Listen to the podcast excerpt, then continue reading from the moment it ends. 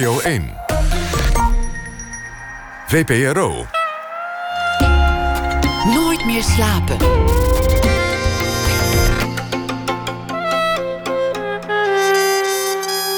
Met Pieter van der Wielen. Goedenacht en welkom bij Nooit meer slapen. Diederik Stapel is filmkenner en eh, vast wordt hij zelf ook nog wel eens filmpersonage. Deze week zal hij elke nacht een film voordragen bij de actualiteit, waar feit en fictie elkaar ontmoeten. Carmien Michels komt op bezoek. Zij is uh, Vlaams dichteres en woordkunstenaar. En ze is er na ene om te vertellen over haar nieuwe bundel. We beginnen komend uur met Rodaan Al-Ghalidi. Duizend en één nachtmerries heet zijn nieuwe verhalenbundel. Een bundel vol grappige verhalen over dat volk dat hij pas relatief laat in zijn leven leerde kennen. De Nederlanders. En over de onmogelijkheid om ooit elkaar te begrijpen. Min of meer gelijktijdig eh, verscheen een bundel met door hem vertaalde sprookjes. De sprookjesverzamelaar. Die heeft hij eh, naar het Nederlands omgezet. Rodaan Al-Ghalidi is eh, een, een schrijver. Zijn vorige boek heette Hoe ik talent voor het leven kreeg. Ging over het leven in een asielzoekerscentrum. Hij spreekt luchtig over zijn schrijverschap. Hij zegt dat hij de diepgang heeft van een surfplank, zo'n 2 centimeter. Of dat echt terecht is, dat is iets anders. Hij is ook dichter heeft een, een recente bundel die heet Koelkastlicht. Kwam naar Nederland uit Irak, is geboren in 1971. Is oorspronkelijk civiel die, ingenieur. Die geboortedatum klopt niet. Nee, wat is je geboortedatum Weet wel? ik niet. Weet je niet? Nee, maar iemand uh, deed uh, die datum en nu gebruiken ze, iemand anders gebruikt 74, 73. en, maar je, je, hebt dat ooit goed moeten krijgen om, om, om, om, een, uh, om het land in te komen. Als, ze, ze, moeten een geboortedatum hebben, anders kun je ja, in dit land al niet ze bestaan. kiezen voor jou een uh, geboortedatum, maar ik, ik ken mijn verjaardag niet. Niet het jaar, niet de dag, niet de maand. Hoe deden jullie dat thuis? Was er dan ooit taart en, en, en zingen of iets? Wij, of? wij vieren nooit verjaardag, maar de dodendag. Ik ken de dodendag van mijn broer, zus of vader, maar hun verjaardagen kennen wij niet. Maar je eigen sterftedag, die, die kun je niet kennen. Nee, maar dan mijn broers en zussen zullen het kennen. Dan gaan ze naar mijn graaf en gaan ze een beetje met wierook vieren. En wij vieren de dood meer dan het leven. Dit is Irak ook, of Midden-Oosten, weet ik niet. Wanneer ben je dan volwassen in Irak? Ik denk, je bent volwassen als jij iets afschuwelijk gezien of iets meegemaakt, iets te maken met dood en oorlog, dan ben je volwassen. Dat is al vrij snel in de recente ja, geschiedenis. Ja, gebeurde in mijn kinderjaren al. We, weet je nog wat dat was, die gebeurtenis? Ja, ik ga het niet vertellen, omdat het is een beetje twaalf uur s'nachts. Dan krijgen de mensen echt nachtmerries van. Maar uh, in Irak zie je afschuwelijke dingen af en toe. En dan ben je veranderd van kind naar volwassen meteen. Een bom op je dorp bijvoorbeeld? Ja, nee, bommen en raketten zijn niet zo afschuwelijk. Maar uh, dat, dat je wordt gebracht en dan zie je iemand die wordt doodgeschoten omdat hij is niet naar het leger gegaan, die dingen. Zeg maar. Wat met jou ook zou zijn gebeurd? Ja, ja, ja. Je, je, je moest wel weg, want het was of het leger hm. of de kogel. In het leger wist je zeker dat het uiteindelijk ook wel de kogel zou worden. Want daar was je nee, niet ik, voor ik, gemaakt. Ik, ik, ik, hou niet van de militair. Uh, ik hou niet van uniform ook. En ook niet, zeker niet onder Saddam Hussein, lijkt me. Ook niet onder Saddam Hussein, niet onder uh, andere president. Ook niet in Zweden, ook niet in Nederland. Die militair en wapen is precies de tegenovergestelde van boeken, woorden, praten. Dus ik wilde nooit uh, naar het leger gaan. Daarom ben ik weggegaan. Hoe heb je dat aan je moeder verteld? Nee, ik heb het. Uh, ik ben afgestudeerd als civiel ingenieur. En dan moet je binnen één week aanmelden bij de leger. Dan ben ik weggegaan. En het was eigenlijk heel gevaarlijk als je gepakt wordt. Dan ben je verrader voor het vaderland van Saddam Hussein. Hoe erg is dat? dan, dan, liep het niet mooi met je af. Ja, en dan, dan heb ik een uh, valse identiteit gekocht en dan weggegaan. Maar hoe, hoe zei je dat dan tegen je moeder? Mam, ik ga? Nee, maar ik heb het niet tegen mijn moeder gezegd. Omdat ze heeft al andere zonen verloren in een oorlog. En een broer. En En ze had, mijn echte naam is Riyad, niet Rodan. En haar eerste zoon heeft ze verloren toen ze zwanger was. En na zes maanden ben ik geboren, dan heb ik zijn naam gekregen, Riyad. Omdat het is traditie. En is de tweede keer iemand krijgt een naam, dan moet thuis blijven, moet in leven blijven. Ik was een heel belangrijk kind voor haar. Omdat het maakt haar denken aan haar eerste zoon. Altijd ze keek naar mij, ze zei, oh, ik maak me denken. Je maakt me denken aan mijn uh, eerste kind. Dus je wist dat het voor haar een enorm verlies zou zijn als jij zou gaan? Ja, en ik keek naar haar en ik dacht, hoe kan ik dit vertellen? Maar ik heb het verteld echt in de laatste tien minuten. Toen je je tas al gepakt had en je, is je geen paspoort tas. op zak? Wat doe je met de tas? Alleen maar schoenen. Alleen Bergen schoenen. schoenen en eh, geld en klaar. Je hebt niks. En toen zei je, ik vertrek. Ik zei, ik ga. Ze zei, oh, waarheen? waarheen? Ik zei, ergens waar geen leger is. Dan eh, ze zei, oh ja, is goed, is goed. Maar ze deed alsof ze het niet begrijpt. Dan ben ik gegaan naar eh, iemand wachtte op mij. Dan ben ik terug. Ik dacht, misschien begrijpt ze het niet. En ik zag haar dat ze was aan het huilen. Ze wilde niet huilen terwijl ik bij haar was. Het was heel, eh, de, heel moeilijke afscheid. je ik moeder, denk- je moeder denk- leeft nog, toch? Nu. Ja, ik denk dat was de moeilijkste moment in mijn leven misschien. Allermoeilijkste. Dat, Om- hoe kan ik gaan. tegen die vrouw zeggen, ik ga, misschien zie ik jou nooit. Heel moeilijk eh, een zoon tegen zijn moeder zoiets zeggen. In Irak vooral. Heb je haar ooit nog gezien daarna?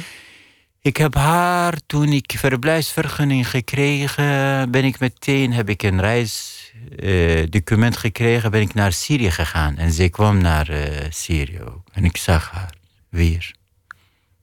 Dat is de enige keer. Ja.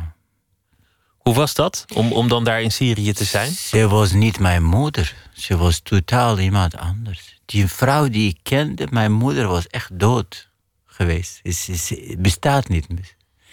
Al die ellende, die, al die jaren, wat gebeurde, blokkade, nog oorlog en nog oorlog. Ik, het is, ik herken niks van haar meer. Alleen haar stem.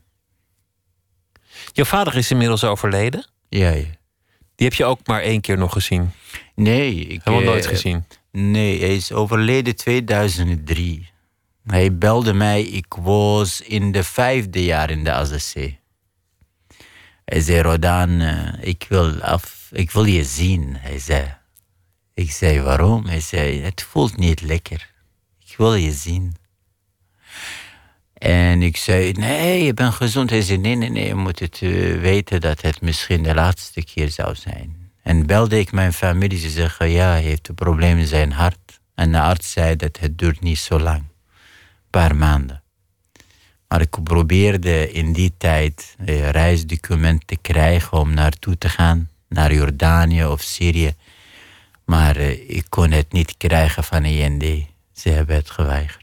Je mocht het land niet uit omdat je in de procedure zat. Nee. En ik zei mm, tegen die mevrouw: van alsjeblieft, geef mij enkele reis. Dat ik ga en nooit terug. Maar ze was, nee, ze weigerde het. Dus de procedure heeft voorkomen dat jij ooit nog je vader afscheid hebt kunnen niet, nemen. Niet de procedure, maar mijn keuze dat ik naar zo'n land ben gegaan waar de regels belangrijker dan de mens. Dat zorgt ervoor. Niet eh, die procedure. Want, want Nederland is, is een land van regels, uiteindelijk. Ja, regels en geld. Als jij eh, geld hebt, kun jij eh, wat je nodig hebt, kun je het kopen. Maar als je arm, dan moet je de regels volgen. Je hebt ook jezelf toch ook een beetje achtergelaten. Toen, toen, je, toen je wegging met een ander paspoort naar, naar een ander land om niet in dat leger te hoeven, toen Hmm. liet je ook wel de man die je was achter daar in, in Irak. Eh, ik, eh, ik had geen idee over de wereld, alleen het idee van de literatuur. Vooral de westerse literatuur. Wat zegt over de wereld de westerse literatuur? Het was mijn idee over de wereld. En eh, wat heb ik geleerd van de westerse literatuur in Irak, die vertaalt naar Arabisch, die literatuur? Dat is niks waard behalve het leven. En dat je moet jezelf zijn en jouw gevoel volgen en jouw gedachten ook. Je moet in jezelf geloven en, en als het niet lukt ergens jezelf te zijn, ga weg. De wereld is zo groot. Zo, bijvoorbeeld de personages van Hemingway, net als Hemingway zelf. Oké, Amerika is niet goed, ik kan niet vechten. Hij gaat naar Spanje, hij vecht. Uh, iemand anders, voorbeeld. Uh, Duitsland is niet goed in de tijd van Hitler. Hij gaat naar Amerika om te schrijven. voor westerse mensen, de wereld was heel flexibel, heel makkelijk. Uh, ik vind dit gebied niet goed, ik ga ergens anders. En dan ben ik mezelf. Dat idee was eigenlijk verkeerd. zo, is niet, zo is niet Nee, het was alleen geldig voor westerse mensen zelf. We, we hebben niet zo lang geleden uh, gesproken over, over je tijd in het asielzoekerscentrum, omdat daar, daar je vorige boek over ging. En het is eigenlijk een wonder dat je niet gek bent geworden. Het is zoals, zoals je in een, een gekkenhuis naar binnen gaat om er gezond weer uit te komen. Zei je, maar wie, zegt, wie zegt dat ik niet gek geworden hier is het andersom. Nu ga je er gezond in om er gek uit te komen. Misschien ben ik gek geworden, je weet maar nooit. Ik denk... Uh, ik kan het redelijk beoordelen. Ik denk, is, het is gek om niet gek te worden. Volgens mij heb je, heb je het nog redelijk voor elkaar. Ben, ik ben je denk, nog ik bij denk de in, eh, in, de, in die procedure... Uh, het was een unieke ervaring voor mij om westerse wereld te begrijpen ook. Ik was ook nieuwsgierig. Omdat uh, je staat naakt voor het systeem, voor de westerse cultuur, voor de tolerantie en de vrijheid. En ik was redelijk modern eigenlijk. Ik kwam hier omdat mijn hoofd is westerse hoofd. Dante Alighieri, Goethe, Rilke, Baudelaire, Schiller, Hemingway, William Faulkner, Günter Grass, noem maar op. Dus, dit was mijn land, mijn gebied, dacht ik. En zo, het was een... Uh, in Irak zag ik ooit een film, Somebody Fly Out the Cuckoo's Nest. En One daar, over de. Ja. En ik heb uh, die film gevonden ook in de Krillo-winkel. Ik heb het gezien in de AZC. Ik dacht, wauw, ik kijk naar de film en ik zit ook in de film zelf. Omdat de AZC zo precies was, die film. Het was heel, heel grappig. Maar in de film was het, was het einde zo wonderlijk dat de deur al die tijd open had nee, gestaan. De, nee, nee, dat is het einde. Hollywood de, eh, alles wat Hollywood doet, moet jij alleen maar de eerste kwartiertje serieus nemen. De rest is allemaal vulling. Het einde en het midden.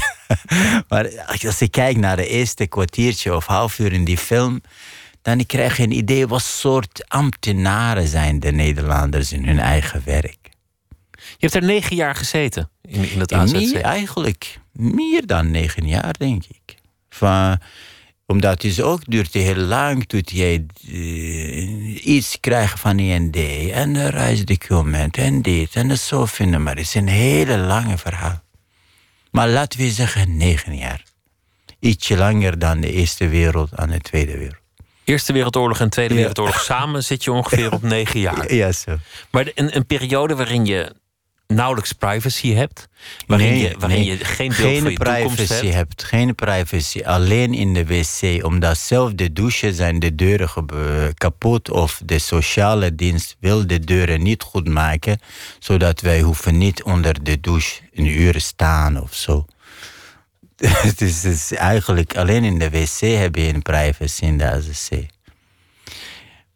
Je schreef als er een conflict is tussen de buitenwereld en de asielzoeker, dan heeft de asielzoeker altijd ongelijk en de straf is altijd dat je de procedure verliest. Dat, je niet je status krijgt. niet altijd. Soms ontmoet je zo aardige mensen die, zeg maar, heel rechtvaardig. En, maar meestal, als die zoeker is schuldig, snap jij, niet omdat hij heeft iets fout gedaan, omdat misschien gaat hij iets fout doen. Dat hebben wij geleerd in de AZC. Hij moet zijn plek nog veroveren. Je moet, uh, net als de muis en de rat. Je bent in de keuken.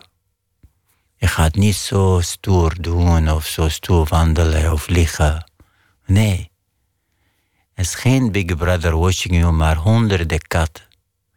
Je bent een rat of een muis, snap je? En dan moet jij zorgen dat jij niet, dat, dat de anderen niet denken dat je gaat iets fout doen. Snap jij? Want die gedachte ligt op de loer. Ja, dit is de, e-, de eerste wat je leert in de AZC. Je moet de Nederlander laten zien dat hij een hele lieve, vredige persoon. Je gaat niks fout doen. En dan de Nederlanders, als ze dat doen, vinden ze het heel erg. Ze zeggen: nee, doe normaal. Wees jezelf. Snap je? Er zit hier een hele dubbel gevoel.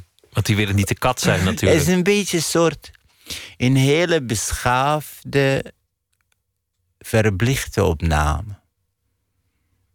Maar eh, ik heb mezelf vergeleken in die periode in AZC met mezelf in Irak. AZC is veiliger dan Irak zelf. En barmhartiger dan Irak.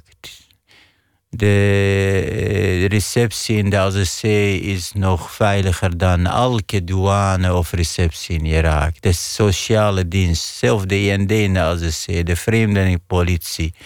Ze schieten jou niet dood. Ze doden jouw geest. Snap je? Maar jouw lichaam is veilig en dat is heel belangrijk. In Irak doden jouw geest honderd keer en jouw lichaam één keer. Snap je? En de AZC is beter.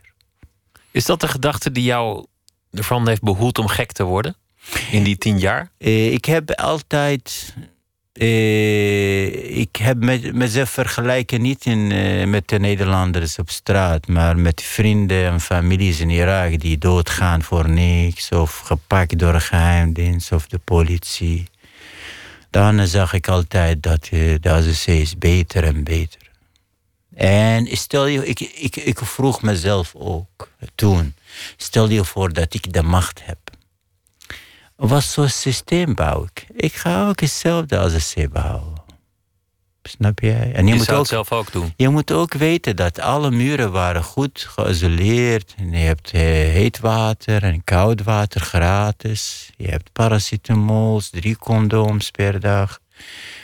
En je hebt in, Drie per dag? Dat is nog, nog best, een, best een getal trouwens. veel mensen nemen die condoms van ons ook en verkopen het bij de coffeeshop om marihuana te kopen. Of oh ja. Zo. Ja, ja. ja.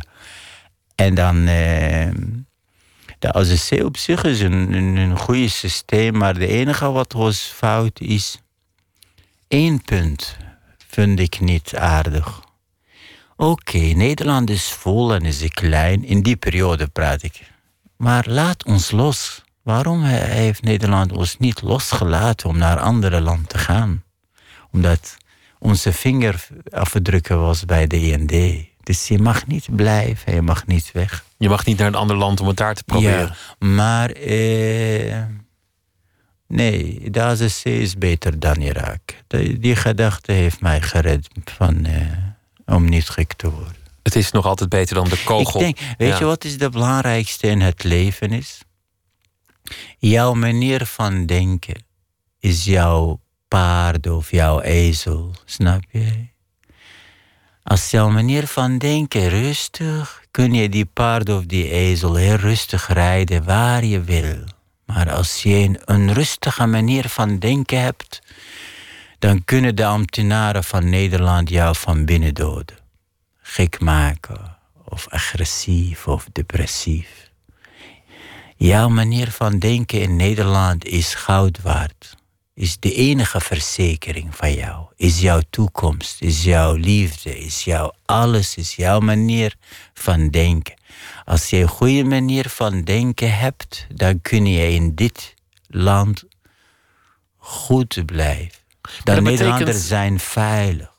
Maar dat betekent eigenlijk dat je, dat je bijna als een soort, soort zen-boeddhist je, jezelf in een bepaalde staat hebt gebracht. Dat, dat, je, dat je jezelf klein hebt gemaakt. Je, je ego hebt getemperd, je ongeduld hebt getemperd, je, je woede. Ik hoef mezelf niet te kleiner te maken. Ik was al heel klein in Irak door al die militaire, door al die kameraden, geheime dienst. Ik kwam naar uh, Nederlands mini, heel klein.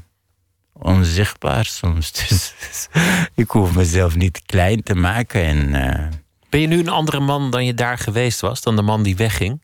Van Irak? Absoluut. Ja? Welke zin? Ik was een mens daar. Maakt niet uit hoe klein ben je gemaakt door je eigen vaderland, maar je blijft een mens voor jezelf. Snap jij? Je bent op jouw grond. En hier, eh, hier ben je dat niet? Nee, nee, absoluut niet. Nee, nee. Nog steeds niet? Absoluut. Ook niet na duizend jaar. Ook niet in uh, Duitsland. Ook niet in Spanje. Je hebt één vaderland. Je hebt één vingerafdrukken. Je hebt één DNA. Je hebt één waardigheid. En die waardigheid is geldig alleen in Nederland. En in eigen land. Snap je? Zodra jij weg van je eigen land bent, ben je niks waard. Alleen als jij toerist of student of een businessman met miljoenen. Die drie soort mensen zijn welkom overal, de rest niet. Je bent ergens tussen mens en dier in? Nee, dier. Dier? Oh, minder dan dier. Omdat de hond is in Nederland waarder dan de asielzoekers soms. Ik vind de hond ook waarder dan de mens soms ook. Het is eigenlijk minder dan een dier. Als jij weg van je vaderland. Je ziet de mensen op televisie die vechten toen ze doodgaan voor het vaderland. En je denkt, oh, ze zijn gek. Waarom vechten ze? Ik vind hun nu geweldig. Vroeger dacht ik dat ze gek zijn. Maar ik dacht nu, nee, wauw. Ze willen niet weg. Ze vechten en ze gaan dood. Dus eigenlijk is jouw advies aan, aan al die vluchtelingen en al die migranten: blijf waar je bent als nee, nee, nee, nee, nee, Ik advies niks. Eh, nee, ik zeg: uh, geef, ik heb, als de tijd teruggaat. Ik adviseer mezelf om te blijven, omdat de prijs is mezelf. En als je jezelf verliest, krijg je het nooit terug. Maar ik adviseer niemand anders. Sommige mensen vinden de waardigheid is niet zo belangrijk, maar hun portemonnee. Sommigen vinden de toekomst van hun kinderen is belangrijker dan hun waardigheid. Eh. Dus mensen zijn zo anders. Elk denkt anders. En eh, ik eh, zie veel mensen komen naar Westen en worden ze hunzelf, ze bouwen hun toekomst. Ga je je moeder nog zien voor ze sterft, denk je? Ik eh, denk het niet. Uh, Want zij kan niet hier naartoe? Nee. Uh, Jij kan niet daar naartoe? ze, ze wilde naar Turkije, maar het was moeilijk om visum te krijgen. En naar Syrië is een beetje moeilijk. Maar ik zie haar via Skype. Jullie skypen? Ja, ja. wij skypen en ik zie haar elke dag. Dus zeg maar net alsof wij in echt elkaar zien. Dus internet is prachtig. Maar je zult er nooit meer omhelzen? Uh, ja, het is niet zo. Ze is 37 graden en ze ruikt altijd naar hetzelfde. En als ik haar geur wil, bel ik haar en zeg: stuur mij een jurk van jou of zo. We moeten een beetje gewoon denken, niet zo, uh, zo romantisch. Er zijn Nederlanders die hun moeder in Maastricht woont. En ze wonen in Zwolle. Ze hebben hun moeder 25 jaar niet gezien. is meer dan niks langer dan mijn moeder. Dat is ook waar. ja. Dat is wel grappig, want dit zijn twee kanten van jou die me allebei even goed fascineren. De, de bundel die je schrijft, Duizend en één nachtmerries. Dat, dat, dat is het terrein van de humor en de pret. De lol, daar gaan we het straks over hebben. En, en de kant die je soms van jezelf Ik denk, praten over mijn boek is nog voor de mensen die nu luisteren beter dan praten over mijn moeder. Maar tegelijk zit er ook wel een, een momenten in, en die, en die, vond ik in jouw poëzie, dat, dat, dat, het verdriet toeslaat. dat de melancholie er wel degelijk is, of, of wel meer dan melancholie. Ik vind het verdriet en de droevigheid is heel mooi en ook heel lekker. Stel je voor dat je een beetje voor geen reden een beetje verdrietig hè? en je drinkt een biertje of wijntje, je wordt meer verdrietig. Dan ben je heel gevoelig. Dan kun je verliefd worden of huilen of lachen of zin hebben in vakantie. Daarom in sommige gedichten van mij ben ik zo zielig en zo. En in sommige ben ik lachen. Ik, ik volg mijn gevoelens en niet mijn gedachten. Wil je een gedicht voordragen trouwens? Ja, dus dit gedicht heb ik. Ik ga het uh, zoeken. Uh, mijn laatste gedicht. Uh, oh, je hebt, je hebt nieuwe gedichten ja, meegebracht. Dit is mijn allerlaatste gedicht over liefde. Is het handgeschreven? Nee, de andere was aan oh. handgeschreven. Open de deur voor de liefde. Als zij neemt, noem het geven. Als zij afbreekt, noem het ruimte. Als zij verbiedt, noem het verlangen. Als zij blijft, noem het eenzaamheid. Als zij wegjaagt, noem het vrijheid. Als zij doodt, noem het leven. Als zij verdwijnt, noem het dood. Hm. Over de, de liefde. Je hebt, je hebt een andere stad waar je je thuis voelt. Zwolle, waar je woont. Hm. En Antwerpen, waar je vier en een half jaar hebt, hebt gebivakkeerd. Uh, Antwerpen heeft mij uitgenodigd door Pen Vlaanderen. Toen ik illegaal was uitgeprocedeerd, had ik niks. En dan, uh, de Pen Vlaanderen hebben mij gebeld en ik ging daar en ze gaf mij een sleutel van een appartementje. En ze zeggen, je mag hier blijven, je krijgt van ons 700 euro. Ik zei, ik wil die geld niet, ik wil alleen een dak. En ik had die dak en de sleutel. En uh, Antwerpen heeft mij een beetje gesteund toen ik niks had. Zelf één boekje had ik gepubliceerd of twee. Want je, je had jaren die procedure doorlopen, toen werd hij afgewezen. Antwerpen is de enige stad in mijn leven die ik echt verlief op. Antwerpen is, is echt zo geweldig voor mij geweest en nog steeds. Moet je nagaan, je bent uitgeprocedeerd, je bent op straat gegooid en dan krijg je een telefoontje van een stad, komt, kom naartoe. Je gaat daar en heb je een dak alleen. Niet met drie of vier mannen in één kamer. Nee, appartementje. En dan ik, ik kreeg een uh, telefoonnummer uh, van uh, Ingrid van de Veken. Ze werkte voor Pen Vlaanderen. Ze zei, als ze gepakt wordt door de politie, bel mij. En zo heb je een telefoonnummer van die dame en een sleutel en dak. Wat wil jij meer? Dus Antwerpen. Antwerpen gaf je de hoop terug. De, hoop en de dak en de warmte. En eh, Antwerpen is echt mijn stad. Eh, zo, ik, ja, zo dankbaar voor Antwerpen. En toen kwam er later nog een, een wonder, want je was afgewezen. Je moest het land verlaten en ineens kreeg je toch die, die verblijfsvergunning. Eh, nee, ik heb niet. Die, die, mijn verblijf in Antwerpen. Nee, in, in Nederland. Want je was afgewezen in die procedure. En toen, toen uiteindelijk via een beroep of, of, of iets anders kreeg je het toch. Mocht je toch blijven. Ja. Dat is ook eigenlijk een wonder achteraf. En ik zie de verblijfvergunning niet als wonder, maar als een A4'tje, heel saai A4'tje van END dat mijn lichaam, dan mijn lichaam moet, mag blijven in dit land na al die jaren. Ik vind dit helemaal niet. Misschien donder meer dan een wonder, omdat het zo laat. Als die A4'tje kwam toen ik drie dagen in Nederland, moet je nagaan. Hoe mooi is die A4'tje? Maar na negen jaar kon het jaar. Dan hoef je niet te melden al die jaren. Hoef je niet die acht mensen die zelfmoord gepleegd te zien en dit en dat. Maar na al die jaren, nee, het was die A4'tje de lelijkste die ik zag. je, werd, uh, je, je, raakte bevriend met uh, Tom van Laren van Admiral Freebie, ook in, in, in Antwerpen. Nog steeds een goede vriend van je. Is echt mijn broer. is, het is echt een hele goede vriend van mij en de broer ook. Hij is filosoof, zanger. Maar hij is een prachtige dichter ook. Maar hij publiceert nooit zijn gedachten of zijn gedichten. Maar uh, altijd heeft een boekje bij zich en hij leest voor, voor mij in het stadpark in Antwerpen. Dan lachen wij heel erg in de zomer. We gaan luisteren naar een van zijn uh, liedjes met Admiral Freebie. En dat heet uh, Breaking Away. Hm.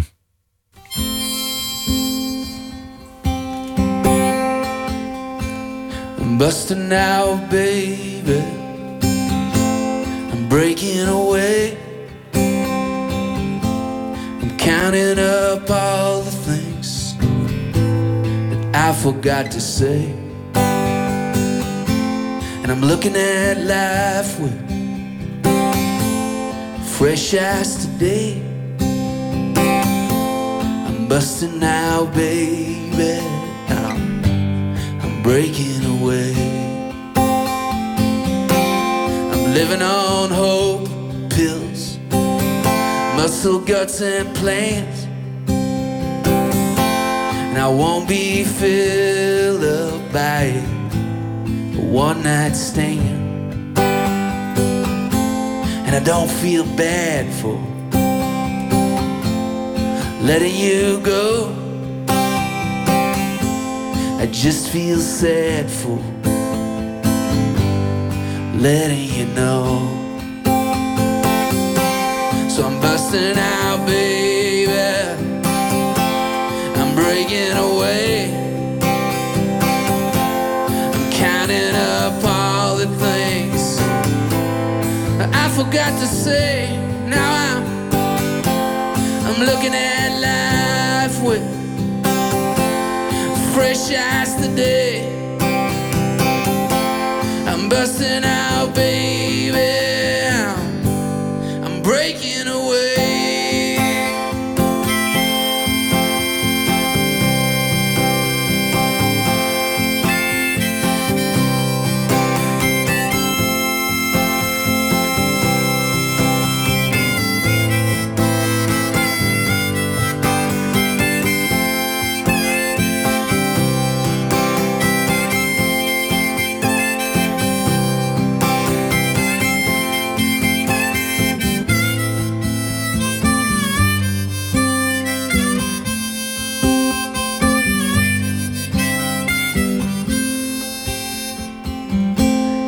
too far gone to make a U turn now. I hope we can get our acts together, girl, and be adults somehow. I see a lady standing in the sun. I don't know where she goes. And I ask her who she is, and she answers everyone. I'm busting out, baby. I'm breaking away. Counting up all the things that I forgot to say. Now I'm, I'm looking at life with fresh eyes today. Cause I'm busting out,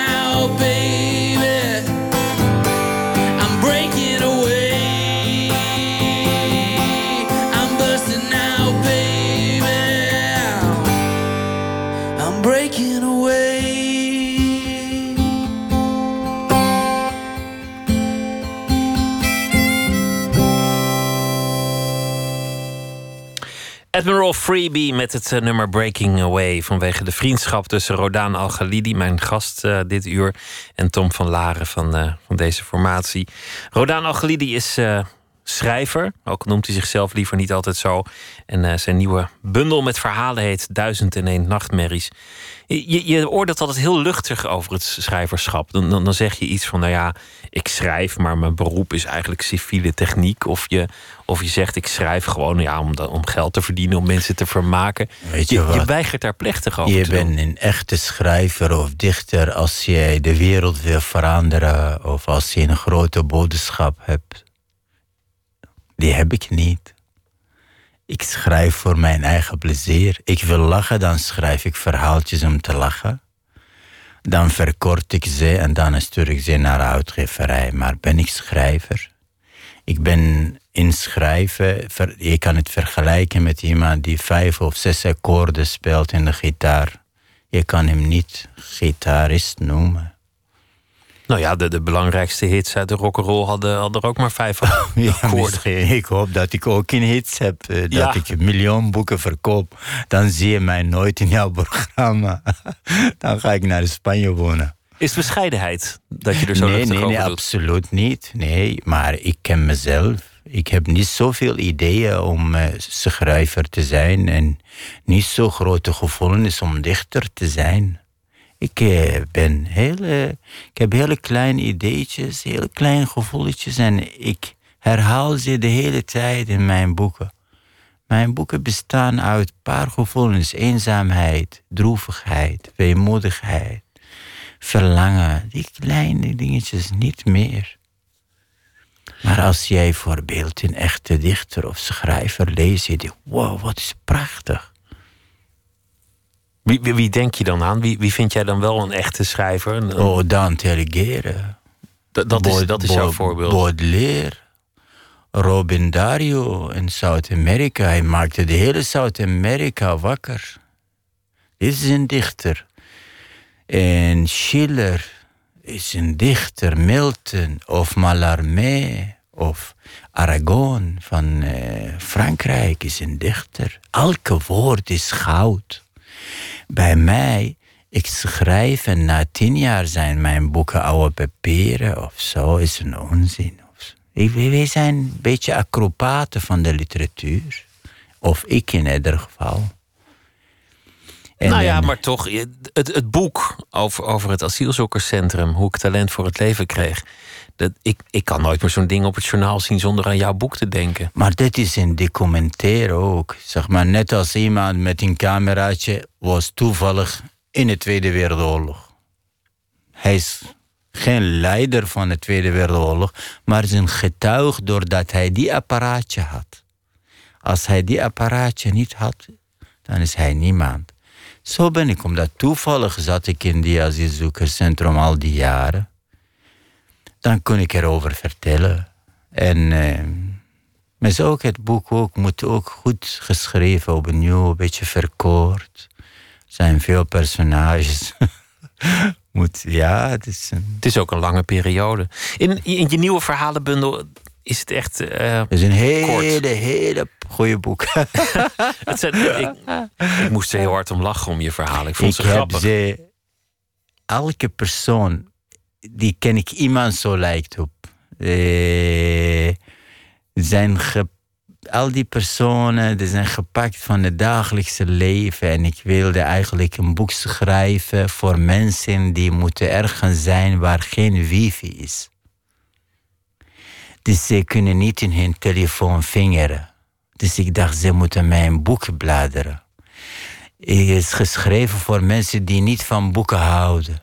En ik heb van een beetje grapjes gemaakt over jihad, over migrant, over eh, de gemotiveerde Edith in de apotheek, over Andrea die geen bezoeker krijgt, of Laura die woont in haar kamer boven, of in een trauma van een Nederlandse kip. Ik wil graag dat de mensen lachen. Uh, er is genoeg ellende in de wereld. Mensen moeten echt veel lachen hoor. Hoe heb je het zo kort gekregen? Want, want, want het, ja, er staat geen overbodig woord in, denk ik. Ik heb. Uh, ik, ik geef jou een voorbeeld. Dit verhaal heet Romantische Sarah. Zo begon het verhaal. Ik zoende Sarah om half twee en de volgende ochtend hadden wij een relatie. Dit is de eerste zin. Nee, in de originele er waren twee pagina's ertussen. Hij ging naar een feest in de zomer en de mereltjes zingen tot elf uur s'avonds. En hij zag Sarah en dan ging hij met haar praten. Dan zoende hij met haar. Nee, ik dacht allemaal weg. Hij zoende met haar en de volgende ochtend had hij relatie met haar. Dan hoeft de lezer niet twee pagina's lang leest. Gewoon to the point. Zeggen wat, je, wat je wil ja, zeggen. Voorbeeld Targan. Twee paginaatjes. Er waren acht pagina's. Ik heb het verkort naar twee. Sergio ontdekt wie hij is, twee paginaatjes. Ik kan een novelle ervan maken. Ik wil het beetje, Nederlanders zeggen, houd kort. En Nederland is het land van verkorting. Vroeger zeggen groeten, daarna groetjes en nu zeggen ze GR. En nu krijg ik ook sms'jes van mensen alleen maar G. Is alles verkort. Waarom de literatuur niet? Want mensen denken dat het sneller is, terwijl, terwijl het duurt uiteindelijk langer. Want, nee, want het is heel moeilijk om het verhaal te verkorten, niet te verlangen. Dan weet je precies wat moet blijven en wat kan weggegooid. En dat is de kunst, denk ik. Het is moeilijker om een kort verhaal te schrijven dan om een dik boek te schrijven uiteindelijk. Absoluut, absoluut. Eh, je kan in een grote huis vullen met spullen. Maar van een kamertje in huis van maken, dat is moeilijk. Dat is de kunst. Je hebt hele kleine ruimte en je, je moet een paleis ervan maken. En dit is de korte verhaal. Korte verhaal is, zeg maar, eh, je hebt een ervaring nodig om roman te schrijven, om goede korte verhaal te kunnen schrijven. Omdat, hoe kun jij de Mona Lisa tekenen in een hele kleine ruimte? Maar precies zoals de Mona Lisa van Da Vinci. Dat is de kunst. Je hebt niet zoveel ruimte, maar je moet het doen. Dan moet jij heel erg precies zijn. Het is ook wel de werkelijkheid, want deze mensen, of ze nou echt bestaan hebben of niet, ze hadden kunnen bestaan. Bijna allemaal bestaan. Uh, en uh, ik, Nee, het is zo makkelijk om over de Nederlanders te schrijven. Ze zijn schaamteloos. Ze vertellen alles heel direct en duidelijk. En ze zijn ook open. Ze zijn niet bang om over alles te praten. Het is zo open geest. Je, kan, eh, je haalt wat je wil. En ik dacht, jongen, elke Nederlander is een personage voor een boek in dit boek misschien heb ik twintig personages, maar ik kan elke dag vijf personages ervan maken. Ik denk dat jij de enige uh, allochtoon, of, of, hoe noem je dat tegenwoordig, bent. Die, die asielzoeker. Als, nou, je bent geen asielzoeker meer, maar uh, nou ja, de enige Nederlander van, van niet-Nederlandse geboorte die het aandurft om een zedenschets van de Nederlander te maken. Om, omdat ik voel me eigenlijk als Nederlander. Ik ben zo eh, gefascineerd. Omdat ik kom uit een maatschappij waar is veel taboes. Dit mag niet vertellen, dit kan niet. Dit moet je voorzichtig om er te vertellen. En dit, nee man. Dat maakt, het is, God zou boos op jou. Oh, jouw vader, jouw dit, jouw president. Maar hier kom jij. Je kan over alles vertellen. En ik luister naar iedereen en ik dacht, oh, elke Nederlander is een model, is een, een verhaal. En ik verbaas me ook waarom de Nederlandse schrijvers soms duiken in de geschiedenis om een, om een personage te vinden. Die geboren in Zuid-Amerika, geadopteerd hier en moet terug. Waarom? Overal hier. Personages overal. Mensen die te gevoelig zijn, die, die zich het leed van de wereld aantrekken. Mensen die een praatje maken en valse hoop wekken bij de asielzoeker. Die denkt, oh ik heb chance bij dit meisje. En dan blijkt ze een hele grote vriend te hebben. Ja. Mensen die zich ergeren, irriteren. Nederlanders, Nederlanders. Echt. Geef mij jouw bankpasje, heb ik vier nummers nodig om jouw geld te krijgen. Maar van de Nederlanders heb je geen vier nummers nodig. Ze praten alleen eh, glasje wijn of een biertje, dan vertellen ze alles. Woorden en woorden en woorden. En ze zijn allemaal ook. Elke Nederlander heeft minimaal, minimaal 50 boeken gelezen. ze hebben ook een manier van vertellen. Ze zijn vertellers ook. Iedereen zegt, oh Nederlanders zijn stil. Het is het land van de stilte. Klopt helemaal niet. Ze zijn praters en praters, maar je moet precies hun goede stemmen, hè? dan kunnen ze praten. Ben je van het land gaan houden? Natuurlijk, ik vind Nederland geweldig. Eh, een prachtig land, alles is zo mooi, eh, alles is zo netjes, zo veilig. En geen tank gezien in Nederland. Geen één tank gezien. Meer dan 18 jaar in Nederland heb ik geen doodstraf gezien in een pleintje in een stad. Of een lijk van een soldaat. Nooit, nooit. Ik heb nog geen eh, schaap die vermoord gezien in een boerderij of niks. Ik heb nooit een rat gezien die rent op straat. Waar zijn de ratten? Zo netjes, zo schoon. En stink ook nooit. Ik uh, was in Sardinië in Italië, die prullenbakken, hè, voor drie weken niet opgeruimd. De hele straat stinkt. In Nederland, heb je ooit een stinkende straat gezien? Ja, een keertje als er staking was, maar dat is ook al 30 jaar geleden. Ja, man, wat is dat? Hoe kunnen jullie dat doen? Niet door de regen, hè? Als die regen valt in Irak, dan hebben wij boten nodig om van huis naar anderen te gaan. Maar hoe komt dat dat de hele jaar de regen valt en je hoeft niet te zwemmen om naar je buren te gaan? Dit is toch een wonder, hè? Maar toch schets je ook een land dat, dat, dat een beetje ten onder gaat aan regeltjes en bureaucratie. Nee, dat, is, dat is echt, dit is 1 procent. Omdat ik word altijd gevraagd door over die 1%. Maar niemand heeft mij gevraagd, alleen jij nu, over die 99% die geweldig is. Je ziet geen Nederlander zonder tanden. Je ziet geen gehandicapte die met een ketting vastgebonden achter het huis, omdat de familie beschaamt van hem. Hè? Je ziet niemand die zonder dak, alleen als hij kiest het park. Hè? Hoe? Dit is echt, ik heb het nooit gezien. Ik heb nooit zoiets gelezen in een religieuze boek. Of in de communisme. Of in de. Het is echt zo perfect. En moet je nagaan, meer dan 18 jaar, de elektriciteit nooit weg een uurtje. Nooit. Altijd, die elektriciteit is altijd 18 jaar lang. Hoe komt dat? Dat is toch een wonder, hè? Een goed georganiseerd En water, hè? En die gas komt naar het huis. Nooit die gas ergens niet gearriveerd. Of nooit iemand die drie maanden kiespijn heeft en geen tanders heeft. Man, man, man. Dit is toch de rijk, niet de rijkdom. Dit is de rijkdom van de rijkdom, van de rijkdom, van de rijkdom.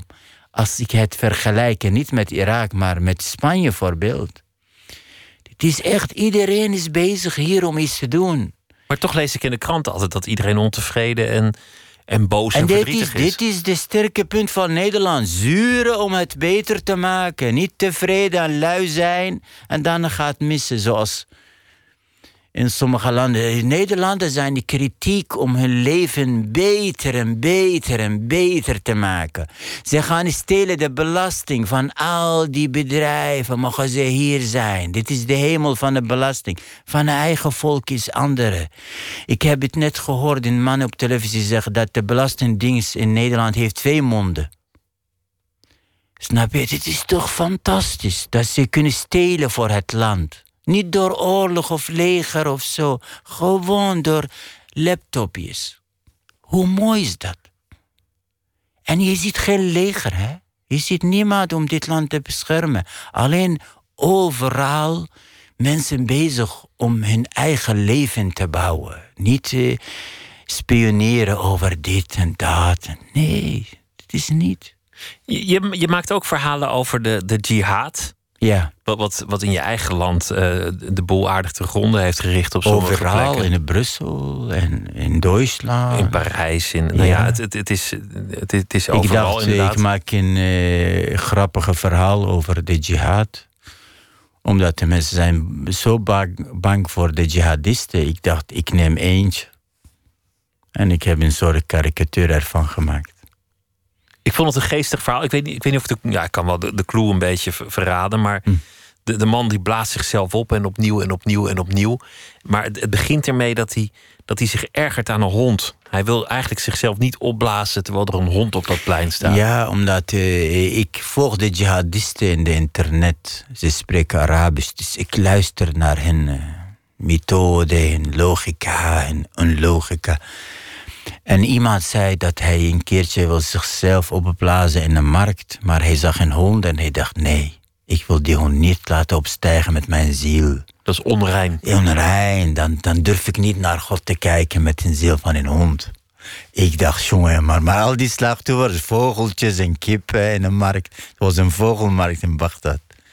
Ik dacht, dat, is, dat was de kern van het verhaal. En dan, zo bestond het verhaal. Het is ook een heel geestig gegeven natuurlijk. Ja, dan, dan is het... Uh, het is eigenlijk de hoofdpersoon, niet de jihadist zelf, maar de putter. Het vogeltje. Ja, het vogeltje blijft zingen.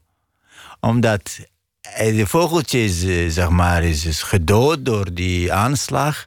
Maar in de andere wereld blijft zingen. In het leven en ook in de hemel. Maar die jihadist gelooft niet dat de vogeltjes mogen zingen bij God. Hij dacht dat de hemel van hem was. Ja, hij, herkent God ook niet. Die mensen in de markt allemaal heeft gedood, maar hij zag iemand anders bij. Hij zei, wie ben jij? Hij zei, God. Hij zei, jij bent geen God. Ik ken je niet. Dit, is, dit, is de zijn de jihadisten. Ik ken je niet, dus je bent een vijand of je moet niet bestaan. Het is, het, is wel mooi dat je, dat je daar met, met plezier naar kan kijken. Dat je er gewoon om, om kunt lachen. Dit is de macht van de literatuur. Literatuur van alles kan iets mooi maken. Eh, van de ellende, van de dood. Eh, eh, kijk, de, de kruis van Jezus. Hoe, hoe hard is het? Spijkertjes, dunne lichaam. Maar als je het leest in een gedicht of in een verhaal of in een, eh, een schilderij, je ziet.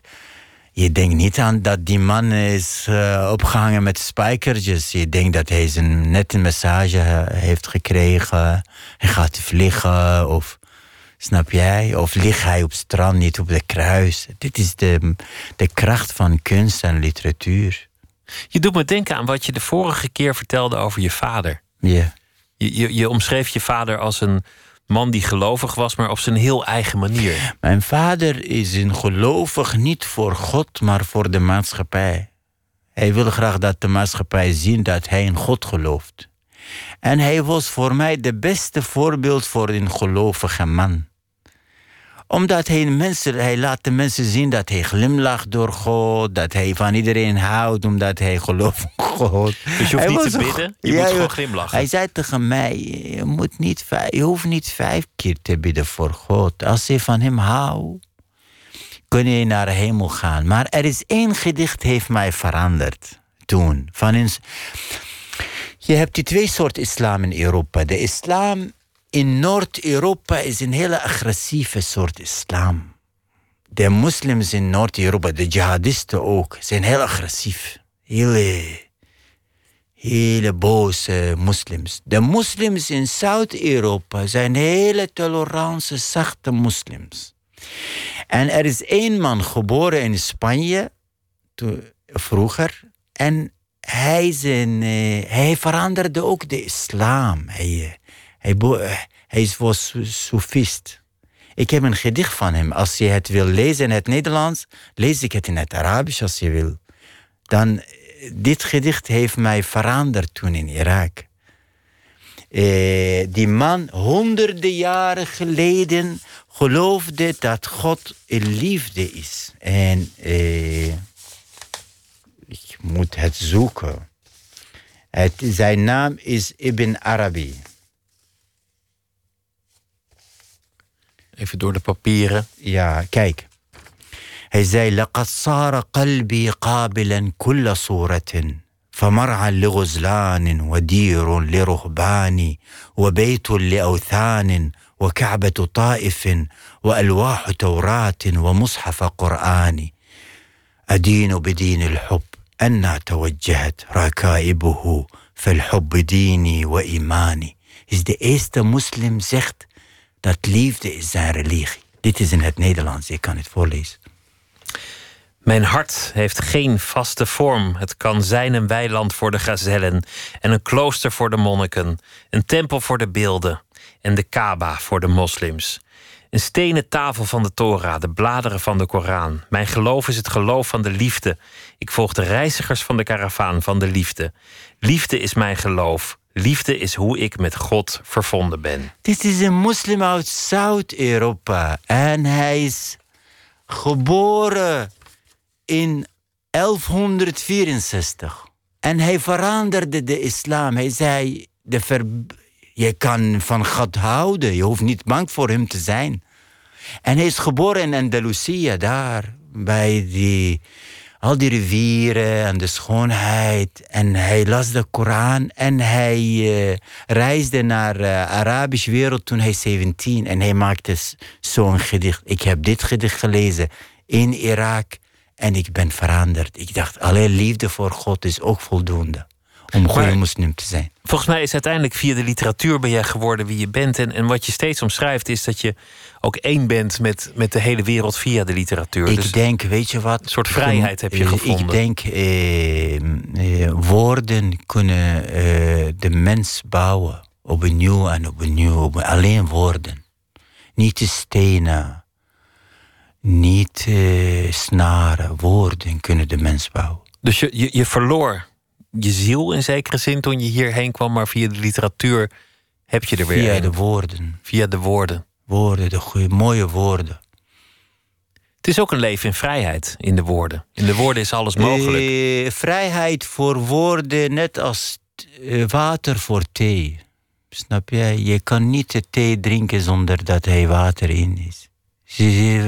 Vrijheid, woorden hebben de vrijheid nodig om te groeien in ons ziel, in ons hart. Zonder vrijheid, de woorden zijn banger dan onszelf.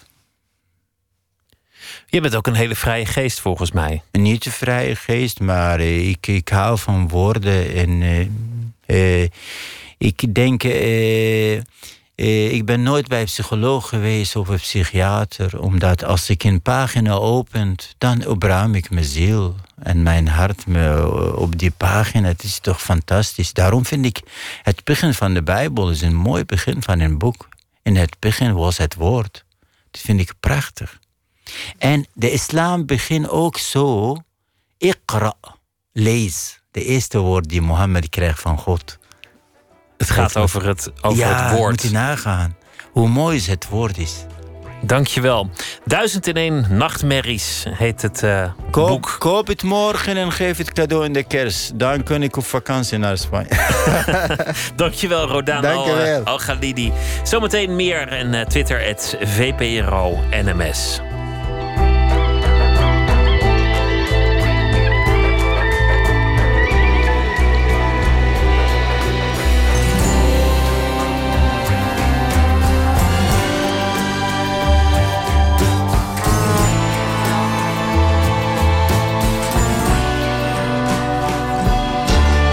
Radio 1.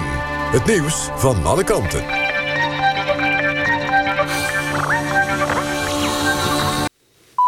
1 uur, Clemens Peters met het NOS-journaal. In een restaurant annex Shisha Lounge aan de Wijnhaven in Rotterdam... heeft brand gewoed. Die ontstond na een explosie in het restaurant. Een ooggetuige meldt dat er vlak voor de ontploffing... iets naar binnen is gegooid in het pand, waarna een auto wegreed. Kort na middernacht was het vuur grotendeels gedoofd. Of de slachtoffers zijn is nog onduidelijk... omdat de brandweer het pand nog niet in kan.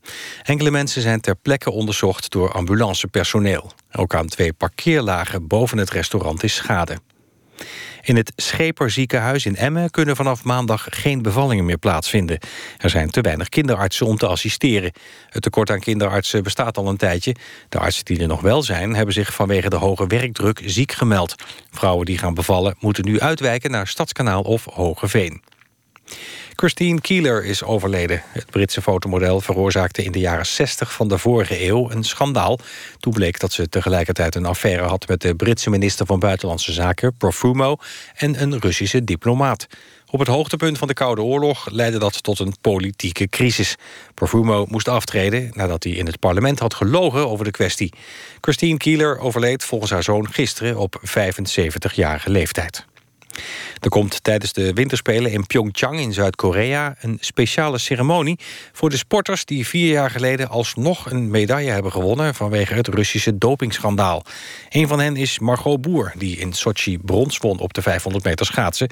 Maar doordat zilveren plakwinnares Olga Fatkolina op doping is betrapt... schuift Boer door naar de tweede plaats. En heeft zij dus recht op een zilveren plak. NOC-NSF heeft al gezegd dat Boer van harte welkom is om mee te gaan naar Pyeongchang. Het weer. Het is vannacht bewolkt en de minima liggen tussen de 4 en 7 graden. Morgen is er veel bewolking. Slechts lokaal breekt de zon even door. Met ongeveer 9 graden is het vrij zacht. Dit was het NOS Journaal. NPO Radio 1. VPRO. Nooit meer slapen.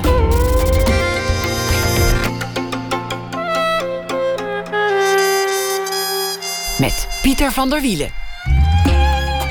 Thomas Sweertvager is een uh, Vlaamse fotograaf. Jarenlang is hij op stap geweest met zijn vrienden.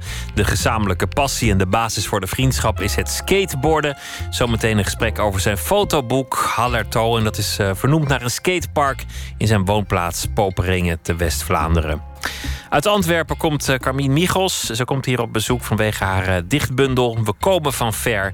En dat gaat over haar uh, plaats op de wereld. Diederik Stapel zal deze week elke nacht een film voordragen bij het nieuws van de afgelopen dag. Maar eerst gaan we het hebben over het verzamelen van kunst. Want ook uh, jonge mensen kunnen zomaar kunstverzamelaar worden. Je moet ergens beginnen. En dat kan uh, via het online magazine Hart Hoofd. Een uh, magazine over kunst en cultuur. Wie geld doneert, kan een kunstwerk krijgen. Sarah van Binsbergen is de hoofdredacteur. Goedenacht. Goedenacht. Hallo. Voor de mensen die het nog niet lezen, wat is Hart Hoofd? Hart Hoofd is een online tijdschrift voor kunst en journalistiek.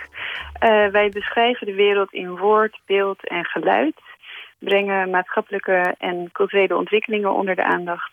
En vooral zijn wij uh, jong van geest, intelligent. Uh, we staan voor verbazing, uh, verwondering en vooral ook kritisch doorvragen.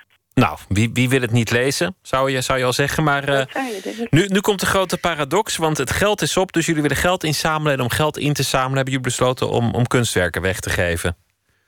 Nou, dat klinkt wel heel negatief gesteld ik zou niet willen zeggen dat het geld op is, maar we zijn wel, kijk, biedt alle inhoud kosteloos aan, dagelijks, op ons platform.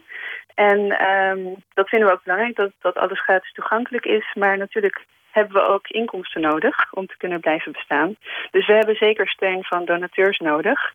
En toen dachten wij, nou, wat, wat kunnen wij dan in ruil daarvoor onze uh, donateurs bieden? En wij hebben een enorme pool aan jong talent. We zijn echt een, eh, een platform voor talentontwikkeling. Um, en die kunstenaars, nou, wie weet waar die nog toe in staat zijn... die staan op moment om door te breken, velen. Uh, of zijn dat al net, of zijn ermee bezig. En um, wij vonden het leuk om onze donateurs dan in ruil daarvoor... kunstwerken van die jonge makers aan te bieden... die mogelijk nog heel veel waard kunnen worden... als deze mensen echt door gaan breken en tot grote dingen in staat blijken te zijn. En wat voor kunstwerken gaat het om? Is het, is het grafiek, een tekeningetje, olieverfdoeken, beelden? Uh, kan van alles zijn. Wij, we, wat wij vooral in huis hebben zijn uh, heel veel illustratoren die fantastische dingen doen.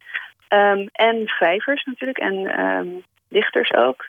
Dus waar ja, je kunt denken aan speciale zeefdrukken kan ook inderdaad een, een, een essay wat op een speciale manier is uitgegeven en in kleine oplagen gedrukt en gesigneerd. Uh, van alles. Maar het is, in ieder geval zijn het dingen die in hele kleine oplagen speciaal voor onze donateurs worden gemaakt en uh, gesigneerd. Je krijgt die, hoe dan ook iets bijzonders en misschien wordt het ooit wel heel veel geld waard. Als het, als het dan niet mooi genoeg is. Ja. En, en uh, hoeveel moet je doneren om daarvoor in aanmerking te komen? Dat kan al vanaf 2,50 per maand. Nou, dat, dat lijkt me toch een sympathieke actie, uh, al met al. En, en die werken die zijn aan jullie gegeven door, door de feitelijke donateurs, de, de artiesten, of, of krijgen die er ook nog wat voor? Um, wij selecteren eigenlijk uit het, uh, al het werk wat voor ons, uh, voor ons platform is gemaakt, selecteren wij dingen die we dus op een speciale manier gaan uitgeven. Dus dat is inderdaad van onze makers. En zij, uh, zij hebben aangegeven dat ze dat beschikbaar willen stellen voor de donateurs. Um, en wat zij, ja, wat zij er in feite aan overhouden is dat wij ons platform verder doorontwikkelen. Uh, en nog meer mogelijkheden ontwikkelen om, om hun werk daar mooi tot hun rechten, tot zijn recht te laten komen. En op andere manieren uh, op hun talentontwikkeling inzetten via speciale programma's en masterclasses enzovoort. Dus mag je, mag je kiezen of is het gewoon geld geven en, uh, en kijken wat de lieve Sint opstuurt? Nee, het is, uh, je, je uh, geeft ons daarbij ook de rol van curator. Dus wij bepalen wat, uh, wat je krijgt. Is ook veel leuker. Veel succes met deze sympathieke actie. En ik hoop dat jullie uh, veel donateurs zullen krijgen voor het uh, magazine Harthoofd. Sarah van Binsbergen, dankjewel. Goeienacht. Ja, Tot ziens. Bedankt. Tot ziens.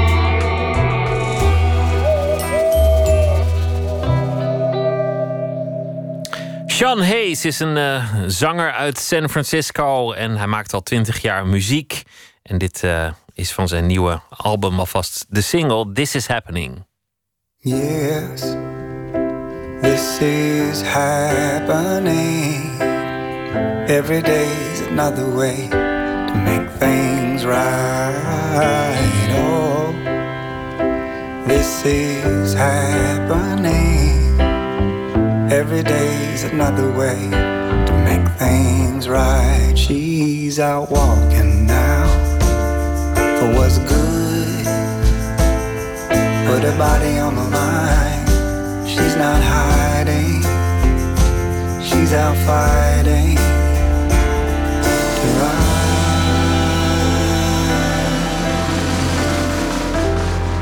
Man, this is happening. Every day's another way to make things right. You are what's happening.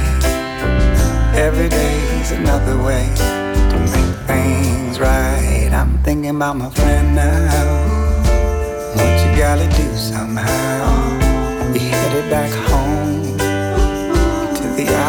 Stone. How you gonna get past it without breaking all the glass? Throwing out what's good. Are you screaming at the badness? Bridges will fall down, walls will build up. Bridges will fall down, walls will build up. Slow it down. Can we slow it down?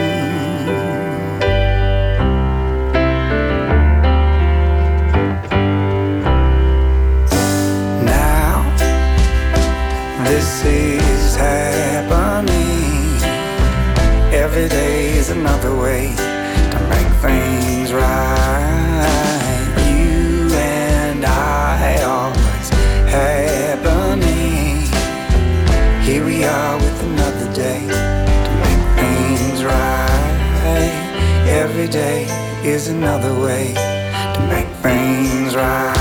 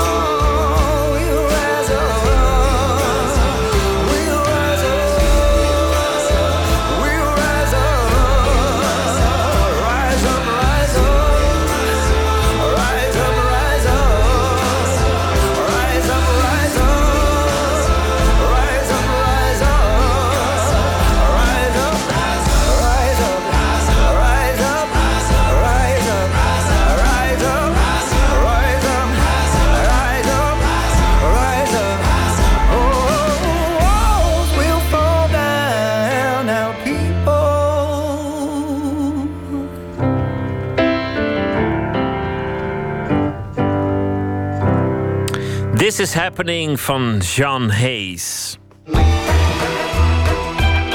Nooit meer slapen. Skateboarden is eh, een manier om armen te breken, maar vooral ook een manier om de vrijheid te vieren en de vriendschap te onderhouden. Dat is een van de thema's van het fotoboek Hallertaal. Dat is eh, een fotoboek van Thomas Sweertvager, een eh, Vlaamse fotograaf. En het is vernoemd dat Hallertaal naar een straat in Poperingen, West-Vlaanderen. Daar groeide hij op. En hij heeft foto's samengebracht van een vriendengroep die jarenlang bezig was met het skaten. Een van de jongens uit de Laan, Axel Kruisberg, werd er zo goed in dat hij nu in de Verenigde Staten woont en professioneel skater is geworden. Matthijs Deen ging naar Poperingen om te spreken met Axel en Thomas in de Hallertaal. Vanaf dat is eigenlijk, dat is de. Dus dat is hier Wonza, dat is Hallertouw. Je zit hier niet alleen aan de rand van de stad hoor, je zit hier aan de rand van de wereld, denk ik. Hoezo? Wat, zelfs voor Belgen is dat hier een vergeten gat. Je rijdt minstens een uur van een grote stad naar hier. Ja. En dan de laatste tien minuten zijn nog op een niet-autosnelweg. Dus eh, het is echt wel ver, ver. Drie kilometer van hier is Frankrijk dus. Uitgever van Hallertau had het me al gezegd. Die mensen uit Poperingen, die hangen aan hun stad. Die gaan terug. Ik woon nu in Gent, maar ik zit nog ieder weekend in Poperingen. Het is een deel van je leven, je kunt het niet achter je laten. ik. Dus die plaats, weggestopt tegen de Franse grens... als in een lastig te stofzuigen hoekje van Vlaanderen... daar is iets te vinden dat elders ontbreekt. De Hallertaulaan, waar het boek naar is genoemd. Het munt op het eerste gezicht uit in nietszeggendheid. Hoekige Vlaamse nieuwbouw die niet helemaal nieuw meer is... schoongehouden stoepen, asfalt, geparkeerde auto's... Zijn laan zoals iedereen er wel een heeft in zijn herinnering. Maar met dit verschil dat Thomas en Axel er met hun vrienden opgroeiden. Waar ze dagen, maanden, jaren doorbrachten. Met elkaar en met hun skateboards. Het is wel even geleden dat ik hier nog geskate heb. Die andere maat, die, daar, die woonde daar in het huis rechts, die skate ook niet meer zoveel. Maar die woont daar nu terug. Die heeft net zijn ouderlijke huis We lopen op naar het huis van Axel. En treffen onderweg Hallo. een andere maat van vroeger, Axel, Karel. Die zijn stoep kuist met een trekker. Eigenlijk, bij, al, allee, ik kan als derde partij wel zeggen dat je, dat je van alle twee merkte dat Thomas heel goed foto's kon trekken en dat Axel direct een hele goede skater was, omdat hij heel veel durfde. Dus het was een beetje roekeloosheid. Eh, zeker wel, zeker wel. Eh, in skateboarden is dat zeker zo en ik denk in fotografie ook. Want Thomas is eh, ook in, vooral tegen de stroom ingegaan. Toen dat je in de hogeschool zat, vertelde je vaak dat je leerkrachten je, je werk eigenlijk afkeurden. Terwijl dat je nu ziet allee, waar dat je staat. Eh, en je eigenlijk ook het durf toont om, eh, om tegen de stroom in te gaan. De straat loopt iets af. Je kan er met een skateboard flink vaart maken. Nee, daarom dat ik liefst hier op de straat skate. ja. Dat dat gewoon plat is en... Ja, gewoon snelheid maken. Ja, snelheid maken of, of wat, wat fliptricks doen of wat manuals, maar niet... eh, trappen en zo zijn ook mijn ding geweest. Wat zijn dat, manuals? Op je, je achterwielen rijden. Ja, ja, ja. Dus dat je in plaats van op vier wieltjes, sta je op je twee achterwieltjes en balanceer je zo. En Thomas was daar wel heel goed in. Die kon de hele straat eh, van eh, boven tot... allee, je kon het Van daar tot bij me thuis. Ja, 200 meter, 300 meter. Omdat het wel afloopt. Ja, ja, nee, dat begrijp ik. Ginds om de hoek nadert Axel. De enige van de groep die het geschopt heeft tot professioneel skater. En in Amerika woont. Ze zeiden over jou dat eh, wat jou zo goed maakte was eh, ook uh, roekeloosheid.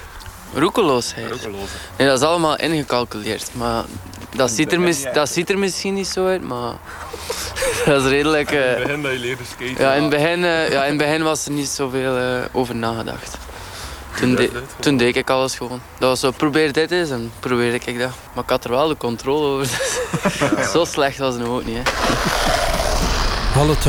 Gaat niet alleen over skaten. Het gaat over een vriendenclub. Het gaat over jongens die met hun skateboards onder de arm de wereld verkennen. Steden bezoeken. Altijd op zoek naar een nieuwe plek om te skaten. Maar ook om samen te zijn.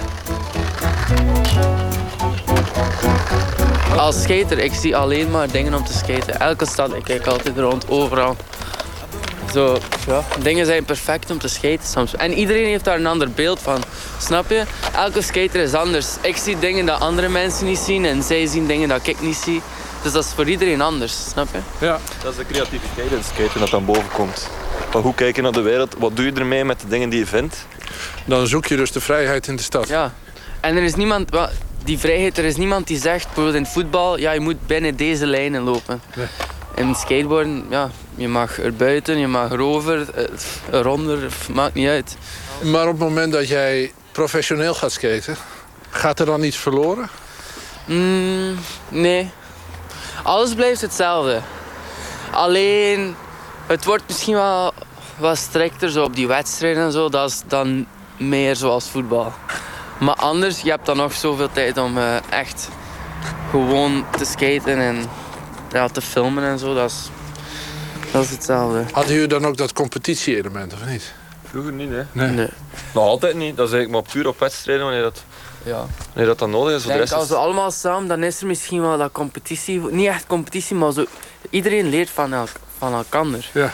En dat, maar dat is, niet, dat is zeker geen minpunt. Dat is echt supergoed, want iedereen pusht. Oh, Maar zelfs op, wedstrijden, zelfs op wedstrijden is er geen competitie Nee. Het is niet dat, dat iemand echt super zijn best doet om, om, om beter te zijn dan iemand anders. maar misschien nu op heel hoog niveau is dat Heel wel hoog niveau zo. wel, maar op Maar normaal niveau mee.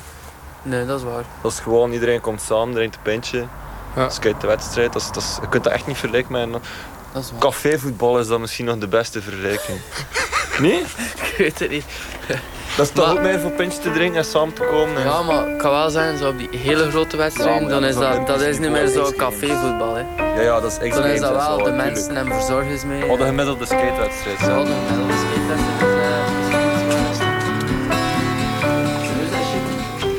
Thomas gaat ons voor naar zijn ouderlijk huis. Achterom natuurlijk de tuin door. Met de moestuin, zelfs begin december, nog goed gevuld. En dan de bijkeuken en de keuken, de koffie, de moeder die meepraat. En Axel die voor het eerst de proef van het boek ziet. Uit alles wordt duidelijk dat rond de Halletouw in Poperingen... de mensen in een hechte gemeenschap leven. En het is precies dat gevoel waarschijnlijk... dat ze steeds weer terugtrekt naar die afgelegen stad. This is understanding what is. Toen ik juist begonnen was met fotograferen, was eigenlijk de bedoeling om bij skate magazines te geraken om echt de trucken te fotograferen. Dus de eerste jaren dat ik fotografeerde was echt puur de truc. Trok ik heel weinig sfeer rond het skaten. En het is pas met de veroudering en fotografie te studeren en echt interesse in fotografie op zichzelf te krijgen, dat ik meer de wereld rond dat skaten ben, ben, ben beginnen Ja. fotograferen.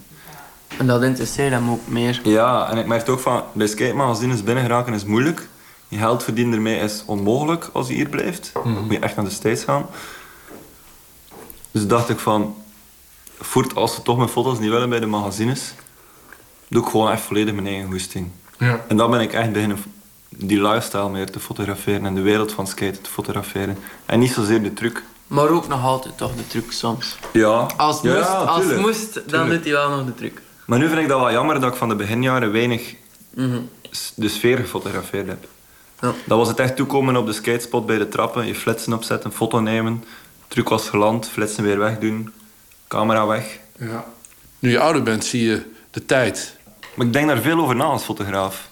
Ik ook, als ik ergens rondloop op straat en ik neem een, een stadslandschap of zo, ik zeg maar iets, of gewoon een foto op straat. Nu is dat niks, maar binnen 30 jaar kijk ik terug van, amai, die auto's in veranderd, tijd en die ja. kledingstijl en hoe dat die mensen rondlopen. Ja. Nu ben ik wel te krijgen met dat skaten, omdat skaten is al zoveel geëvolueerd in die 15 jaar, dat je nu terugkijkt van, amai, die stijl van die tijd en die felle kleurtjes en hoe dat die mensen gekleed waren. Dus dat begint nu al eigenlijk, op de eerste foto's. Eh, Thomas die zei, eh, dit is een, een manier om eh, een periode af te sluiten. Het was ons verlangen naar vrijheid. Mhm. Hier bijvoorbeeld, ik was net gestopt met voetballen en dat was, ik was beginnen skaten en ik wilde niet meer voetballen. Want dat was altijd iemand die zegt, ja, je moet dit doen en dat doen. En hier, kijk, ik spring door de lucht en, en ik doe dat opnieuw en ik doe iets anders. En er was niemand die zei wat dat ik moest doen. En dat is met alles zo. Alles in, alles in het boek, denk ik, is gewoon rond vrijheid. Maar als skater heb je ook constant de goesting om de wereld te verkennen, om nieuwe skatespots te vinden. Dus je reist naar landen dat je niet kent, je leert nieuwe culturen kennen, je leert nieuwe mensen kennen. En dat zit eigenlijk in deze foto ook al een beetje. Ja. Want jullie, jullie... Ik herinner me dit nog. Dat Zie we hebben allemaal zo dezelfde, zo'n t-shirt zonder mouwen aan. dat is mega Zie, warm. allemaal. Je moet even zeggen wat je ziet. eh. Hier, hier springen we over. eh, dat was in Kortrijk. Nee, dat was in Lyon. Dat was naar die ditch in. Lyon. Wauw. Dat was een skatespot dat we kennen van skatevideo's. We waren op tour in Ah, Lyon, in Frankrijk. ja. Super mooi weer, paasvakantie. En eh, lopen naar die skatespot op te beginnen skaten. Dus dat is echt wel zo dat, Over het die goesting en die vrijheid dat je wel voelde in dat beeld. Ja, maar het, het is ook een paspoort op de wereld. Hè? Want ik bedoel, stel dat je dat ding niet had gehad. Je was in Lyon, waar moet je naartoe? Ja, we zijn Ja, gewoon toerist. Zo de typische toeristen. Daarom ben ik zo blij dat skaten en fotografie is eigenlijk net hetzelfde daarin. Je hebt een Hey, reden om ergens te zijn. Dat heb ik veel. Ik, ga zo, ik reis heel de wereld rond, maar dan ik zie. Ik, ik ken bijvoorbeeld, als ik naar Parijs ga, ik ken Parijs door. Ah, ik ken dat gebouw van die spot om te skaten en dat ken ik. Maar En dan ken ik alles ertussen ook, maar omdat ik overal rondskate. Maar je komt ook op de plaats. En je waar komt op plaats ja, komen. waar dan een normale toerist niet, niet naartoe gaat. En dat is het coolste, want je ziet alles in de stad. Dat is die spot waar dat we naartoe rennen op die andere foto. Dat is die ditch. De nacht valt, je hebt een vuurtje gemaakt. Ja, barbecue. Barbecue in die spot. We hebben vooraf vlees gaan halen. Stokbrood, vlees. Hebben we daar heel lang gezeten. Maar dat is toch, dat is toch puur geluk, of niet? Dat is puur vriendschap. Dat is pure vrijheid en vriendschap die daar... En geluk natuurlijk ook, maar... Ja. En we zaten er heel de Dat- avond te skaten tot het donker was. Dat is, de, dat is de essentie van skaten. In een andere sport zit iedereen bij zijn trainer ergens in een ander hokje. Niet te veel van elkaar prijs te geven of zo. Maar in skaten is dat gewoon vrienden een busje en weg. Naar waar je wil. Yeah, that's how it is. Always gonna be like this.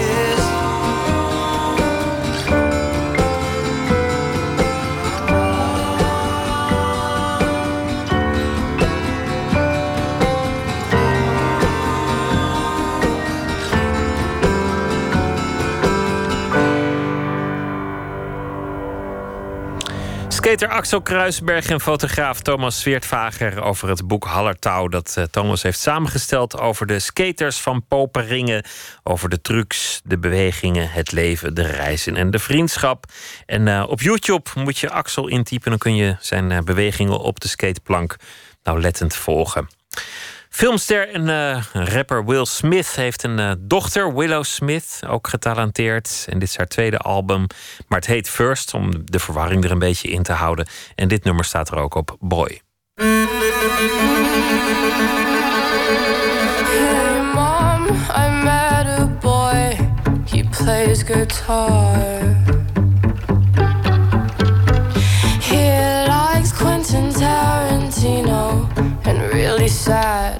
Songs. Anxiety attacks when he wakes up in the morning. And I can't help the thought he thinks I'm boring. Cause I come from a cluster of super bright stars. To him it feels scary to reach that far.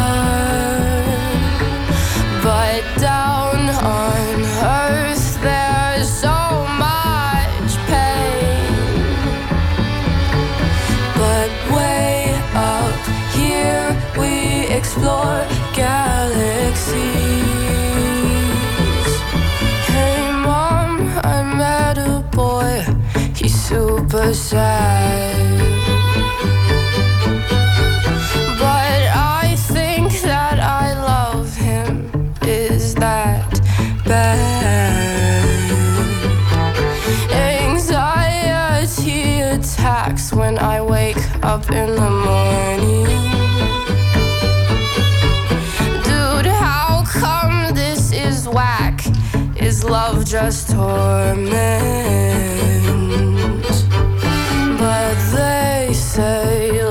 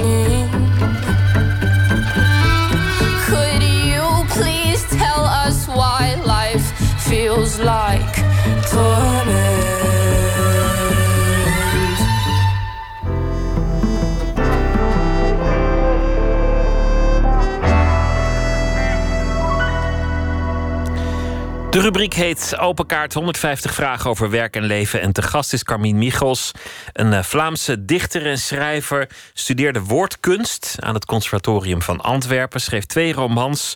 Won vorig jaar het NK en EK Poetry Slam. Een, eh, een wedstrijd in gedichten voordragen op het podium. En ze heeft een eh, dichtbundel We komen van ver. En dat gaat eh, over verleden, heden en toekomst. En over de plaats in de samenleving. Carmien Michels, hartelijk welkom. Dank u wel. Wa- Wanneer is jouw interesse voor eh, het gedicht begonnen? Oh, ehm, eigenlijk vrij, vrij laat, een paar jaar geleden pas. ehm, toen ik meedeed aan een wedstrijd. Ehm, en daar zag ik wat poetry slammers. Ehm, en die, die brachten allerlei teksten tussen rap en poëzie in. En ehm, ja, ik vond het indrukwekkend dat poëzie ook geëngageerd kon zijn, ook krachtig kon zijn. En niet saai en duf en elitair, zoals ik het in de middelbare school had geleerd. Want, want dat was je beeld ervan, saai, duf en elitair. Ja, ehm, op de middelbare school hadden we eigenlijk vooral ja, mannelijke voorbeelden gezien uit de jaren tachtig. eh, en niet de aller ja, toegankelijkste.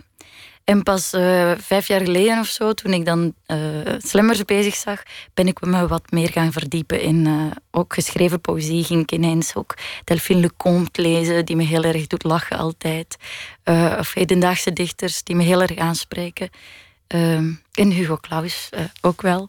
Ik weet niet of jullie die hier kennen eigenlijk. Hugo Claus? Ja? Jazeker. Oké, ja, goed. Ja, ja maar, maar, maar zijn gedichten zijn denk ik wat minder bekend. Ja. Ter- Terwijl die, die zijn natuurlijk prachtig. Ja, heel mooi. Ja, een van zijn... eh, Ik was, ik was heel even bang zelfs toen je zei... ja, het ging altijd over, over oude mannen, de poëzie. Toen was, was ik even bevreesd dat je misschien Hugo Claus bedoelde. Maar dat Nee, is dus nee, niet nee, zo. nee. Nee, wie wie was, bedoelde eh, je dan wel? Wat, eh, wat, wat kregen jullie dan op school? Oh, daar moet ik eens diep. Nou ja, dat, ik, ik kan het zelfs niet meer zeggen. Het was eh, misschien zelfs al van 150 jaar geleden of zo. Poëzie die, die mij toen niet aansprak. Alleszins. Het is tot leven gekomen, het kwam in je leven... maar jij ging naar een wedstrijd en daar zag je die poetry slammers. Wat, wat kwam je daar zelf dan doen? Ehm, ja, het was een text on stage eh, wedstrijd. En, en ik wilde voor het eerst eigenlijk op een podium staan buiten mijn school. Dus ik had een tekst geschreven over fritten. eh, waarbij ik eh, het publiek ik hou van u liet zeggen tegen mij. En ehm, ja, in die workshop kwam ik heel veel slammers tegen. Ook mijn lief kwam ik daar tegen. En ja, dat was een memorabele dag. Maar, maar die woordkunst, hè, dat, dat, dat is volgens mij in Nederland nog niet zo ingeburgerd. Dat, dat het voordragen eh, al een kunstvorm op zich kan zijn. Ah ja, ehm, ja die opleiding woordkunst dat combineert eigenlijk eh, schrijven, podium en media. En ehm, ja, het gaat erover hoe, hoe je je ontwikkelt als persoon op een podium. Dus dat je vooral je eigen ding doet en, en je eigen stijl ontwikkelt en niet te hard gaat kopiëren van elkaar of zo.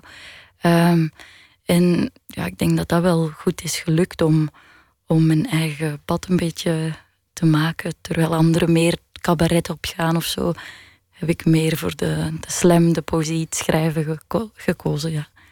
En in welke functie vervult het dichten in, jou, in jouw bestaan? Wat, wat bereik jij met het, met het, eh, met het schrijven? Wel, welke vragen los je voor jezelf op? Welke Oh. kwesties kaart je aan in je, in je poëzie? Oh, dat is direct een diepzinnige vraag. Ehm, ja, ja het, het werkt wel voor mij om, om ehm, eh, eh, vragen die ik mij van binnen stel, maar nog niet, die niet duidelijk zijn, om die naar voren te brengen. Ehm, voor mijn bundel heb ik, heb ik eigenlijk veel gekeken naar waar ik vandaan kom. Eh, dus ja, bij mijn ouders weg naar de grootstad verhuisd, eigenlijk toen ik 17 was, richting Antwerpen getrokken. Ehm, en, en ik was heel erg zoekende naar, naar iets te betekenen in de maatschappij. Dus, dus toch wel, eh, wat kan ik qua engagement laten zien. eh, terwijl ik vooral toch ook op mezelf ben gericht. Heel erg eh, bezig ben met schrijven, met taal enzovoort. Ehm, Het clichébeeld is vaak van, van de, de dichter die verdriet heeft over iets, of, of juist in, in, in de gloria is in de liefde en die dan de pen pakt en iets, iets opschrijft. Maar, maar dit is iets heel anders. Dit is veel meer een, meer een onderzoek. Het is meer een vraag die je stelt. Ja, ehm, ik hou er niet zoveel van om, eh, om over mijn diepste eh, gevoelens te schrijven. Hoewel die ook wel in deze bundel naar, naar voren komen, maar zeer verpakt.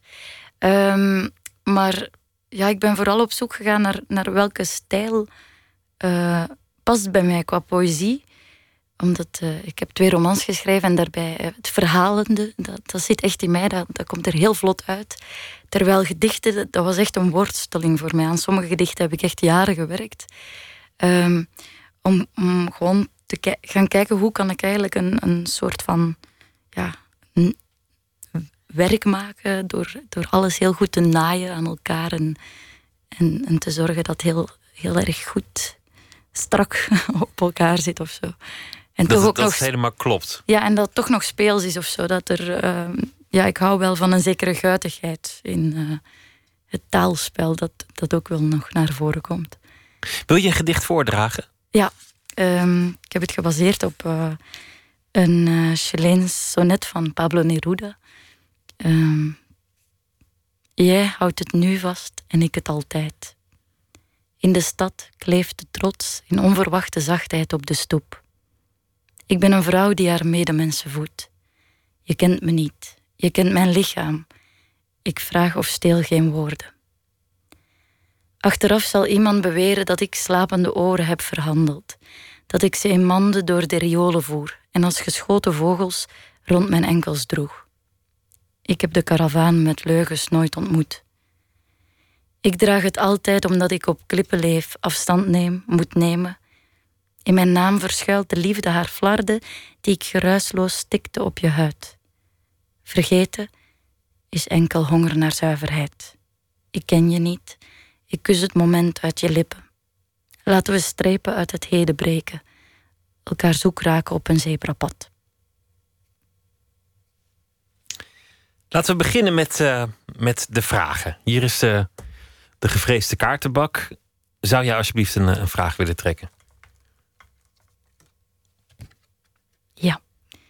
Oh, waar lopen je relaties op stuk? Ah, nou, dat is meteen een leuke. Oh, dat is een vreselijke vraag. Ehm, ja. Ehm, Is in- er een patroon in of, of is het elke keer toch iets anders?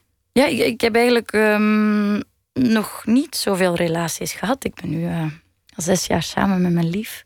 Daarvoor eh, vier jaar met de vorige. Ach, waar lopen ze op stuk? Hmm. Dus één is nog niet stuk gelopen en, Ja. en, en de ander, dat is, dat is er En maar degene één. daarvoor. ehm, ik kan wel iets zeggen over de relaties in mijn, in mijn, in mijn prille jeugd. Ja, tussen Ja. mijn 16 en mijn 20 of zo. Ehm, die liepen stuk op het feit dat, dat ik te weinig aandacht. eh, nee, Goh, misschien is dat wel een eh, Freudiaanse verspreking, maar ik bedoelde dat ik te weinig aan, adem kreeg. Ja. Eh, dus. Te weinig aandacht kreeg. Nee, Te, te weinig adem. Ja, Je vond het benauwend. ja. Dus. ehm, Maar dat lijkt me ook wel gezond als je 17 bent, dat je het benauwend vindt. Ja, ja dus dat ik eh, ja, heel erg eh, altijd andere kanten op wilde dan, dan waar die relatie heen aan het gaan was. Dus, eh, dus dan ehm, ja, was ik in een bepaalde relatie en dan besloot ik, het gaat hier gedaan zijn en ik, ik trek gewoon naar Antwerpen. En eh, ik, eh, ik zorg dat ik heel ver weg ben ervan. Je Eh, moest verder. Je, wi- je wist ja. dat, er, dat, er, dat er meer in de wereld te koop was. Ja, ja, zoiets. Je huid duur verkopen. Ja. Laten we nog een vraag eh, Mhm. bekijken. Ah, waar walg je van? Ja, misschien gaat dat eigenlijk ook wel, wel eh, verder op het vorige qua, qua ehm, menselijke walging of zo. Ik, ik, ik, ik walg van mensen die je zo, waarbij je voelt dat ze niet geïnteresseerd zijn in jou persoonlijk, maar in, in waar jij voor staat of zo. In, wat ze in je zien, zodat ze eh, hogerop kunnen komen of zoiets. Ik, merk dat af en toe bij mensen dat ze, dat ze eigenlijk met mij aan het praten zijn, maar niet effectief met mij, maar meer om ergens anders heen te gaan. Dus dat ze zich aan mij willen vastklampen. En, eh, Noem eens een voorbeeld. Hmm. Wat, wat zien ze dan in jou, wat, wat, wat ze nodig hebben? ja, ehm, wat eh, een gemakkelijk voorbeeld is, eh, ik ben nu auteur. En er zijn een aantal mensen die ook graag auteur willen worden. eh, om wat het, het auteurschap voorstelt. Niet omdat ze graag willen schrijven, maar gewoon omdat ze graag in de picture willen staan of zo. Ehm, en, dan, en dan merk ik dat ze ja, heel erg geïnteresseerd zijn en, en er, er heel veel afkomen, maar niet om mij persoonlijk te leren kennen of zo. Ehm, maar, maar om dat te kunnen bereiken, ja. Goh, ik ga het niet eh, specifiëren, want dan wordt het misschien te persoonlijk. Maar goed, daar walg je van, de, de onoprechtheid ja, daarvan. Ja, onoprechtheid in het algemeen wel. En dat is iets, dat is iets wat, je, wat je niet kunt eh, objectief zeggen, hè, nooit. Maar dat is een gevoel en vanaf dat het erin sluipt, vanaf dat je dat ziet bij iemand, eh, ja, geeft dat mij zo'n een onbehagelijk gevoel. Maar terloops zei je nog iets anders. Mensen die, die wel de roem van het schrijverschap willen, Ja. als die er al is, maar eigenlijk helemaal niet zo'n interesse in het schrijven zelf hebben. Dus die, die, die, die zouden, als ze een boek konden kopen van iemand anders en dat onder eigen naam verkopen, zouden ze het ook doen. Terwijl de echte schrijver, die wil gewoon schrijven. Dat, daar begint het mee. Ja. De drang om iets te maken. Ja, ik denk dat dat misschien het, het, ehm, het plaatje is van, van de mensen die als kind beroemd wilden worden. Niet per se met iets, maar in het algemeen beroemd. Of, en eh, ja, dat het dan niet gaat om, om effectief geconcentreerd op, op iets eh, gericht te zijn of gepassioneerd te zijn met iets. Eh, ja, maar walgen is misschien ook zo'n groot gevoel.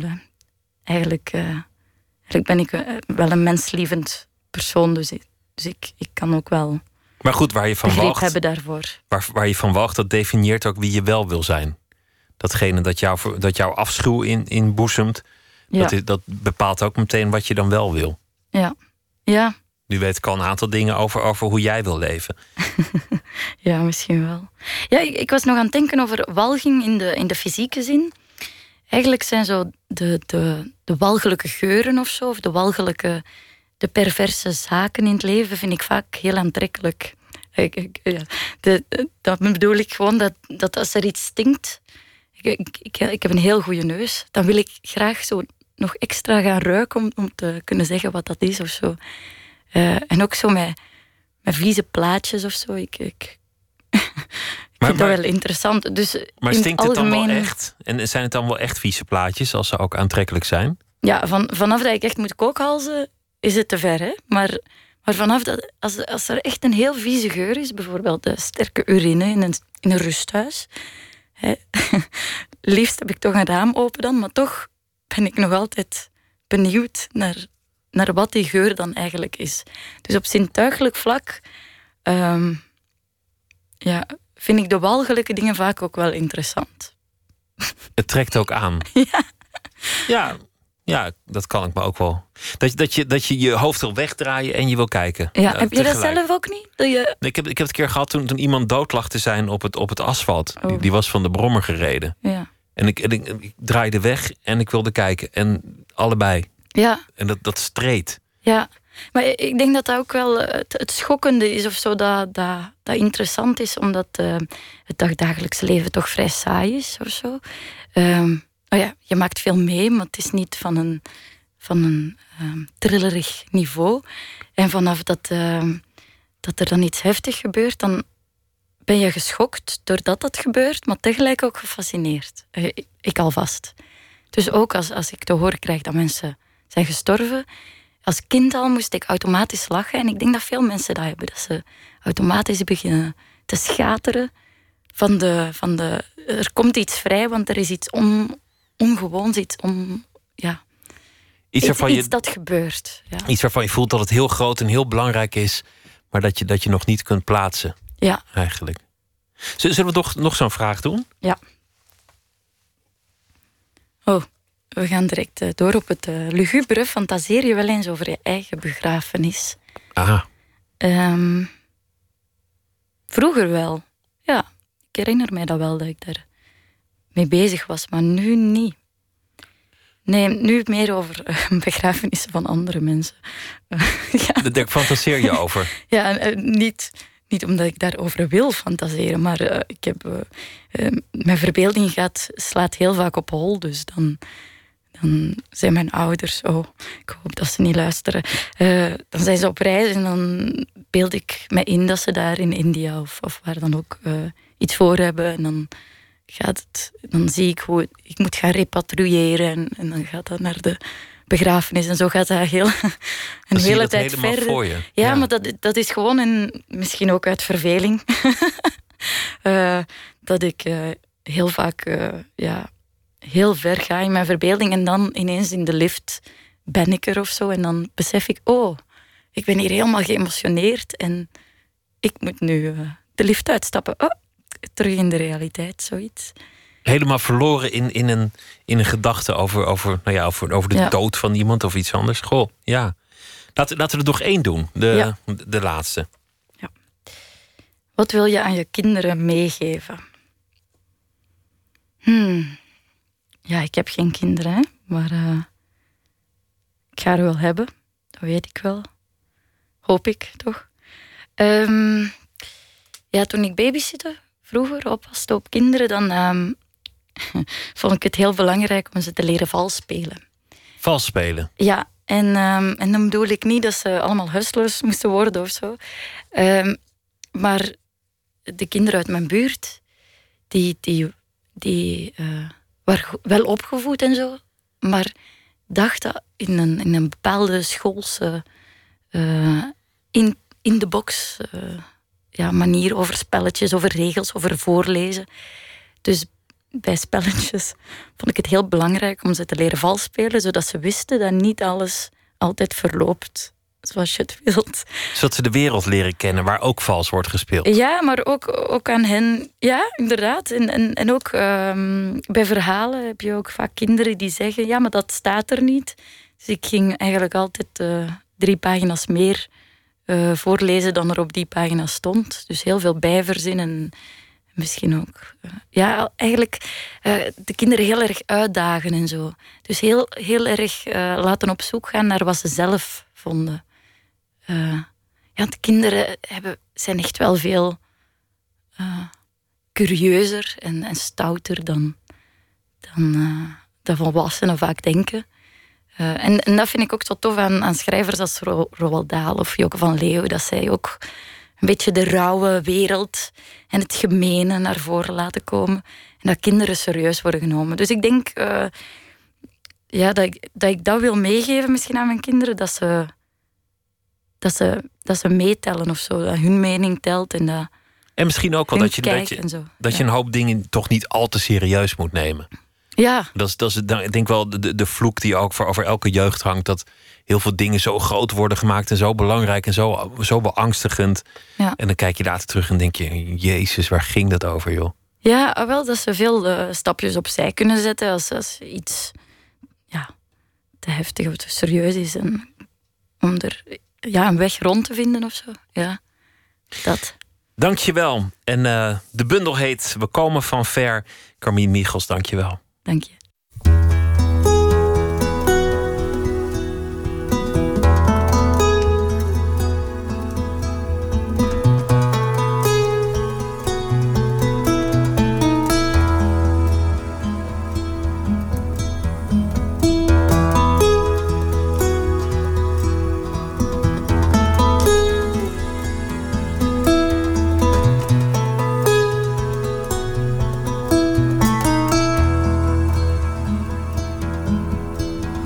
She floated across the countryside, playing cello on a train.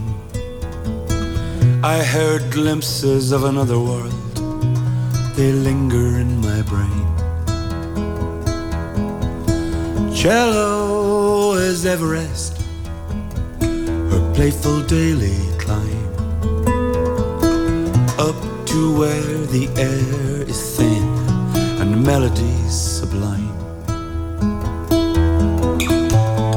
Grateful for the bow, finger on the string. Grateful for the girl who made the old tree sing.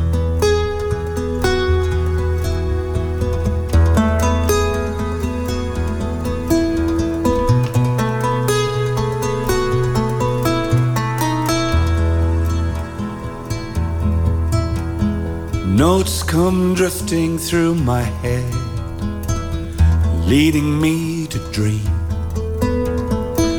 I'm so old, but a child again in the world of Jacqueline. She gave up all she was to be what she could be.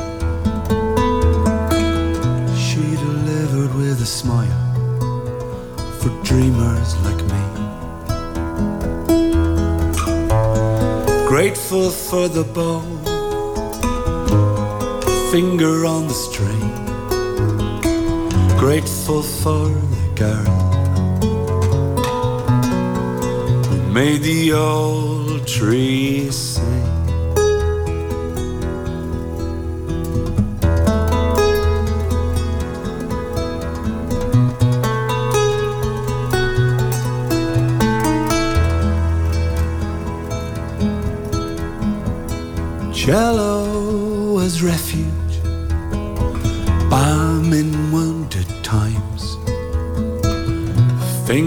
and old wood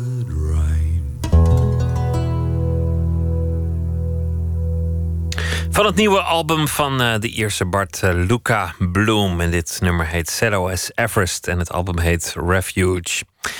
Nog eh, te vermelden dat de nieuwe bundel van Carmien Michels, die u net hoorde, We komen van ver, wordt gepresenteerd donderdag bij een openbare bijeenkomst in het Literatuurhuis te Utrecht. En hij is eh, al vanaf heden verkrijgbaar. Eén minuut, gemaakt door Katinka Beer en deze heet Niet huilen. Ik heb wel één keer gehad dat iemand achteraf vroeg aan mij... maar jij kende hem toch niet zo goed? Dat was wel gênant. Wat antwoord je dan? Terwijl, ja, wat is nou eigenlijk zo erg aan huilen? Het zou toch eigenlijk prettig zijn... dat het gewoon heel normaal is om dat, eh, ja, lekker te huilen. Ben je het ook allemaal kwijt, dan krijg je ook geen hoofdpijn. Ja, maar ik vind het ook niet erg om te huilen op een begrafenis. Maar ik wil niet zo heel hard huilen. Harder dan degene voor wie dat veel belangrijker is.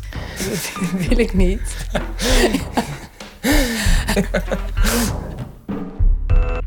Je moet vooral niet kijken naar de mensen die dan ook moeten huilen. Voor wie het echt een heel belangrijk iemand is. Ja. Maar op de een of andere manier ga je dat toch elke keer doen. Ook al weet je van, nee, ik moet niet kijken, ik moet niet kijken, ik moet niet kijken. En dan ga je toch even kijken en dan is het alweer... schiet je alweer vol. Ik weet, ik zit dan ook altijd te denken, wat zullen zij dan daarvan denken? Maar ik denk, ze denken er helemaal niks van. Want zij hebben natuurlijk wel iets anders aan hun hoofd.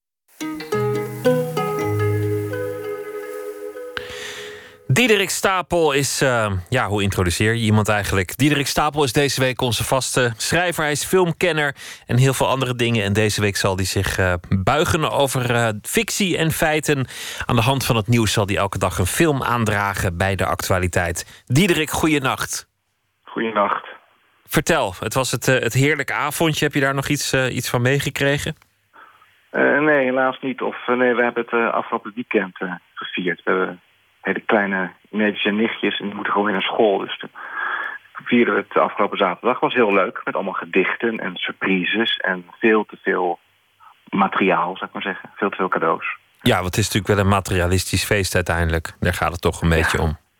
Ja, ja, en daar is weinig aan te doen. Hè. Het is echt een spullenfeest. Niet iets van ervaring of emotie. Ja, ook wel emotie is natuurlijk wel. Dat je grappen kan maken en, naar elkaar. En dat je je irritaties kan uiten in een mooi gedicht. En lief voor elkaar kan zijn in een mooi gedicht. Dus ja, het is van alles wat. Van alles wat. Maar wat heeft je vandaag eh, bezig gehouden? Want gisteren had je het al over eh, drie films over racisme vanwege Zwarte Piet. Wat, wat is vandaag je thema? Nou, vandaag las ik in de NRC Handelsblad dat eh, een stuk over The Crown. De nieuwe serie, of het tweede seizoen komt nu. Dat is een serie bij, op Netflix over het Britse Koningshuis. Dus daar eh, schrijf ik iets over. Over Netflix eigenlijk. En over feit en fictie. Want eh, de vraag in het artikel in NRC Handelsblad was... ja, wat is nou eigenlijk echt? Hè? Een hele mooie, dure serie over koningin Elisabeth. Maar hoe weten ze nou wat er waar is? Ja, het is natuurlijk grotendeels bij elkaar bedacht. Maar de behoefte aan net echt is ook heel groot. Dus we doen alsof het allemaal net echt is. Ja, want veel dingen kan je niet weten. Dus, dus dat is ook juist de ruimte. En daarom is zo'n serie ook zo, zo leuk.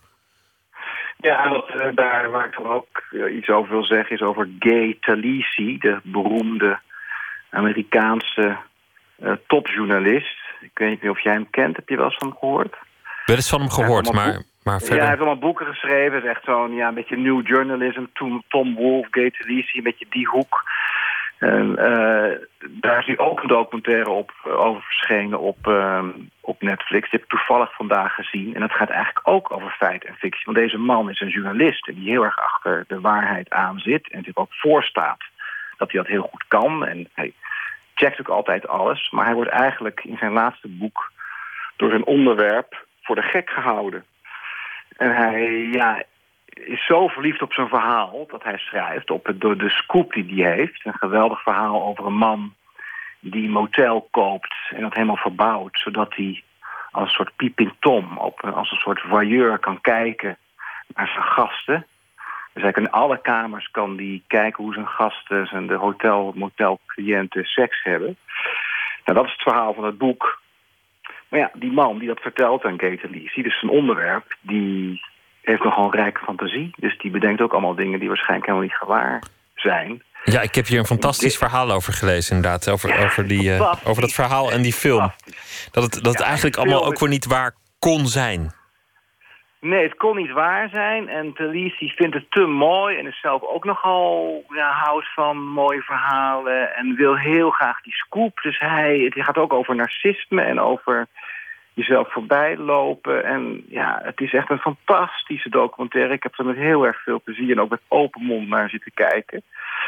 Want eigenlijk gaat de film, de documentaire, gaat officieel over die voyeur, die man die dat motel koopt. Maar eigenlijk gaandeweg kom je erachter, nee, deze documentaire gaat eigenlijk over Gator Lisi. Die is een voyeur, die wil bij mensen binnenkijken. Dat is zijn vak, want hij is journalist. En die, ja, die selecteert en interpreteert en maakt de dingen mooier dan ze zijn. Omdat ze anders geen mooi verhaal zijn. Ik vond het heel erg spannend om naar te kijken. Ja. Ik ben benieuwd naar eh, je verhaal bij de dag. Ga je gang. Oké. Vandaag stond in RC Handelsblad een artikel over The Crown. De serie over het Britse Koningshuis... die vanaf 8 december te zien is op Netflix. Niet op televisie. Netflix. We hebben twee dochters. een van 15 en een van 18. Ik ga eens met ze naar de bioscoop... maar we kijken nooit televisie samen. Mijn dochters kijken geen televisie. Al jaren niet. Ze staren uren en uren naar hun iPhone of hun laptopscherm. Ze zijn goed op de hoogte wat er gebeurt in de wereld. Maar dat komt door vlogs, door Instagram en Netflix. Niet door televisie. Wie kijkt er nog televisie? Over een jaar of wat hebben we waarschijnlijk één lineair geprogrammeerd televisienet... voor wat lokaal nieuws en zo nu en dan een Amber Alert. De rest van wat we in de toekomst massamediaal tot ons nemen... komt van Netflix. Hilversum is kansloos. Hilversum is straks een soort Urk. Ooit het centrum van een omvangrijke industrie... nu een kabbelend dorp met een plein en een kerk. En een museum over hoe het vroeger was. NRC Handelsblad vraagt zich af in hoeverre de Crown echt gebeurd is. Nauwelijks natuurlijk. Ook in het leven van koningin Elisabeth is de waarheid een goed bewaard geheim. Gelukkig maar, want de waarheid is doorgaans een jamboel. Van alles wat en nog meer. Totale chaos. De waarheid is geen goed verhaal. Voor een goed verhaal moet je selecteren en duiden, weglaten en aandikken. Dat weet ook Gay Talisi, de Amerikaanse topjournalist... die al ruim een halve eeuw de wereld vastlegt in artikelen en boeken. Aanbeden, bewierookt door zijn collega's. Mooie verhalen, spannend, scherp, heel knap. Maar niet altijd helemaal waar, blijkt nu. Op Netflix zag ik Voyeur, een documentaire over Gay Talisi... waarin pijnlijk duidelijk wordt wat er gebeurt als het verlangen naar een goed, spannend, lekker verhaal het wint van de waarheid. Talisi verzint niets, nee, dat doen journalisten niet. Hij selecteert, ordent, structureert en laat weg. En hij gelooft dat hij met dat verhaal de waarheid bij de kladden heeft. Talisi is zo dronken van zijn verhaal dat hij niet ziet hoe zijn eigen motieven en verlangens het verhaal kleuren. Pijnlijk. Voyeur. Ik hoop dat veel journalisten de documentaire snel gaan zien. Vergelijkbaar met, eh, met jouw eigen verhaal natuurlijk. Dat het verlangen Ja. naar de waarheid zo groot wordt dat je in de handen van de fictie valt. En dat mensen zo'n woede hebben als ze bedrogen zijn, dat ze zich eigenlijk niet realiseren dat de grens tussen feit en fictie moeilijk te trekken is. Wie te veel waarheid wil, die, die krijgt fictie. En, eh, en wie heel goed in fictie is, komt uiteindelijk weer bij de waarheid terecht. Dat is heel mooi dat je het zo zegt, ja. Diederik, dankjewel. Morgen weer een, eh, een verhaal bij de dag en een film bij de dag. Goeienacht. Oké, goeienacht Pieter. Poëzie van eh, Bart Moejaert. Dit gedicht heet De Wens.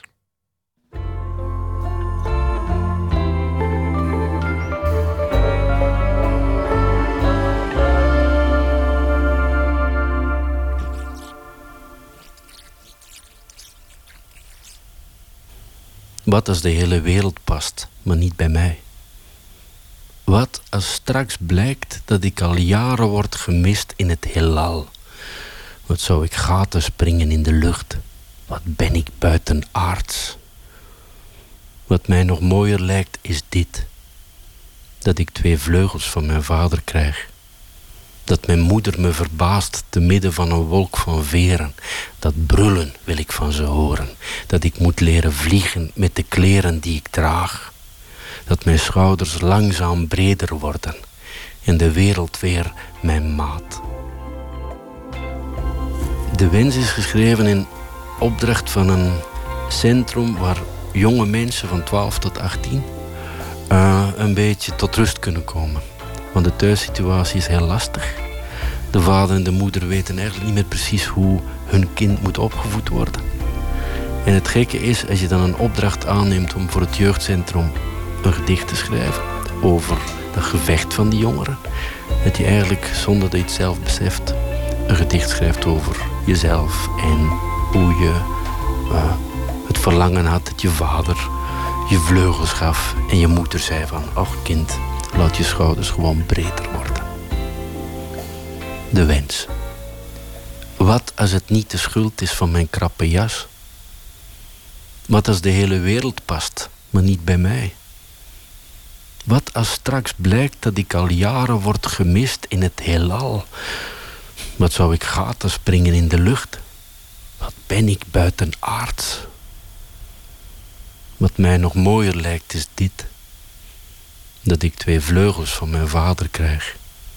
Dat mijn moeder me verbaast te midden van een wolk van veren.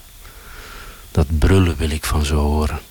Dat ik moet leren vliegen met de kleren die ik draag. Dat mijn schouders langzaam breder worden en de wereld weer mijn maat.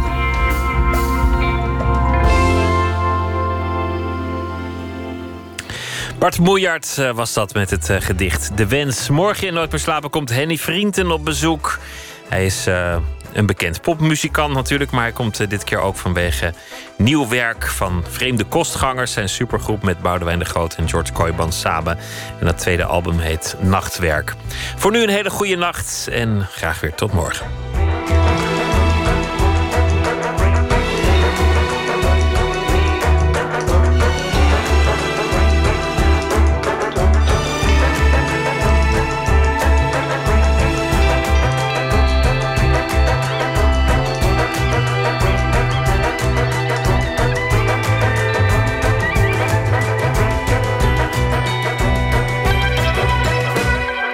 Radio 1, het nieuws van alle kanten.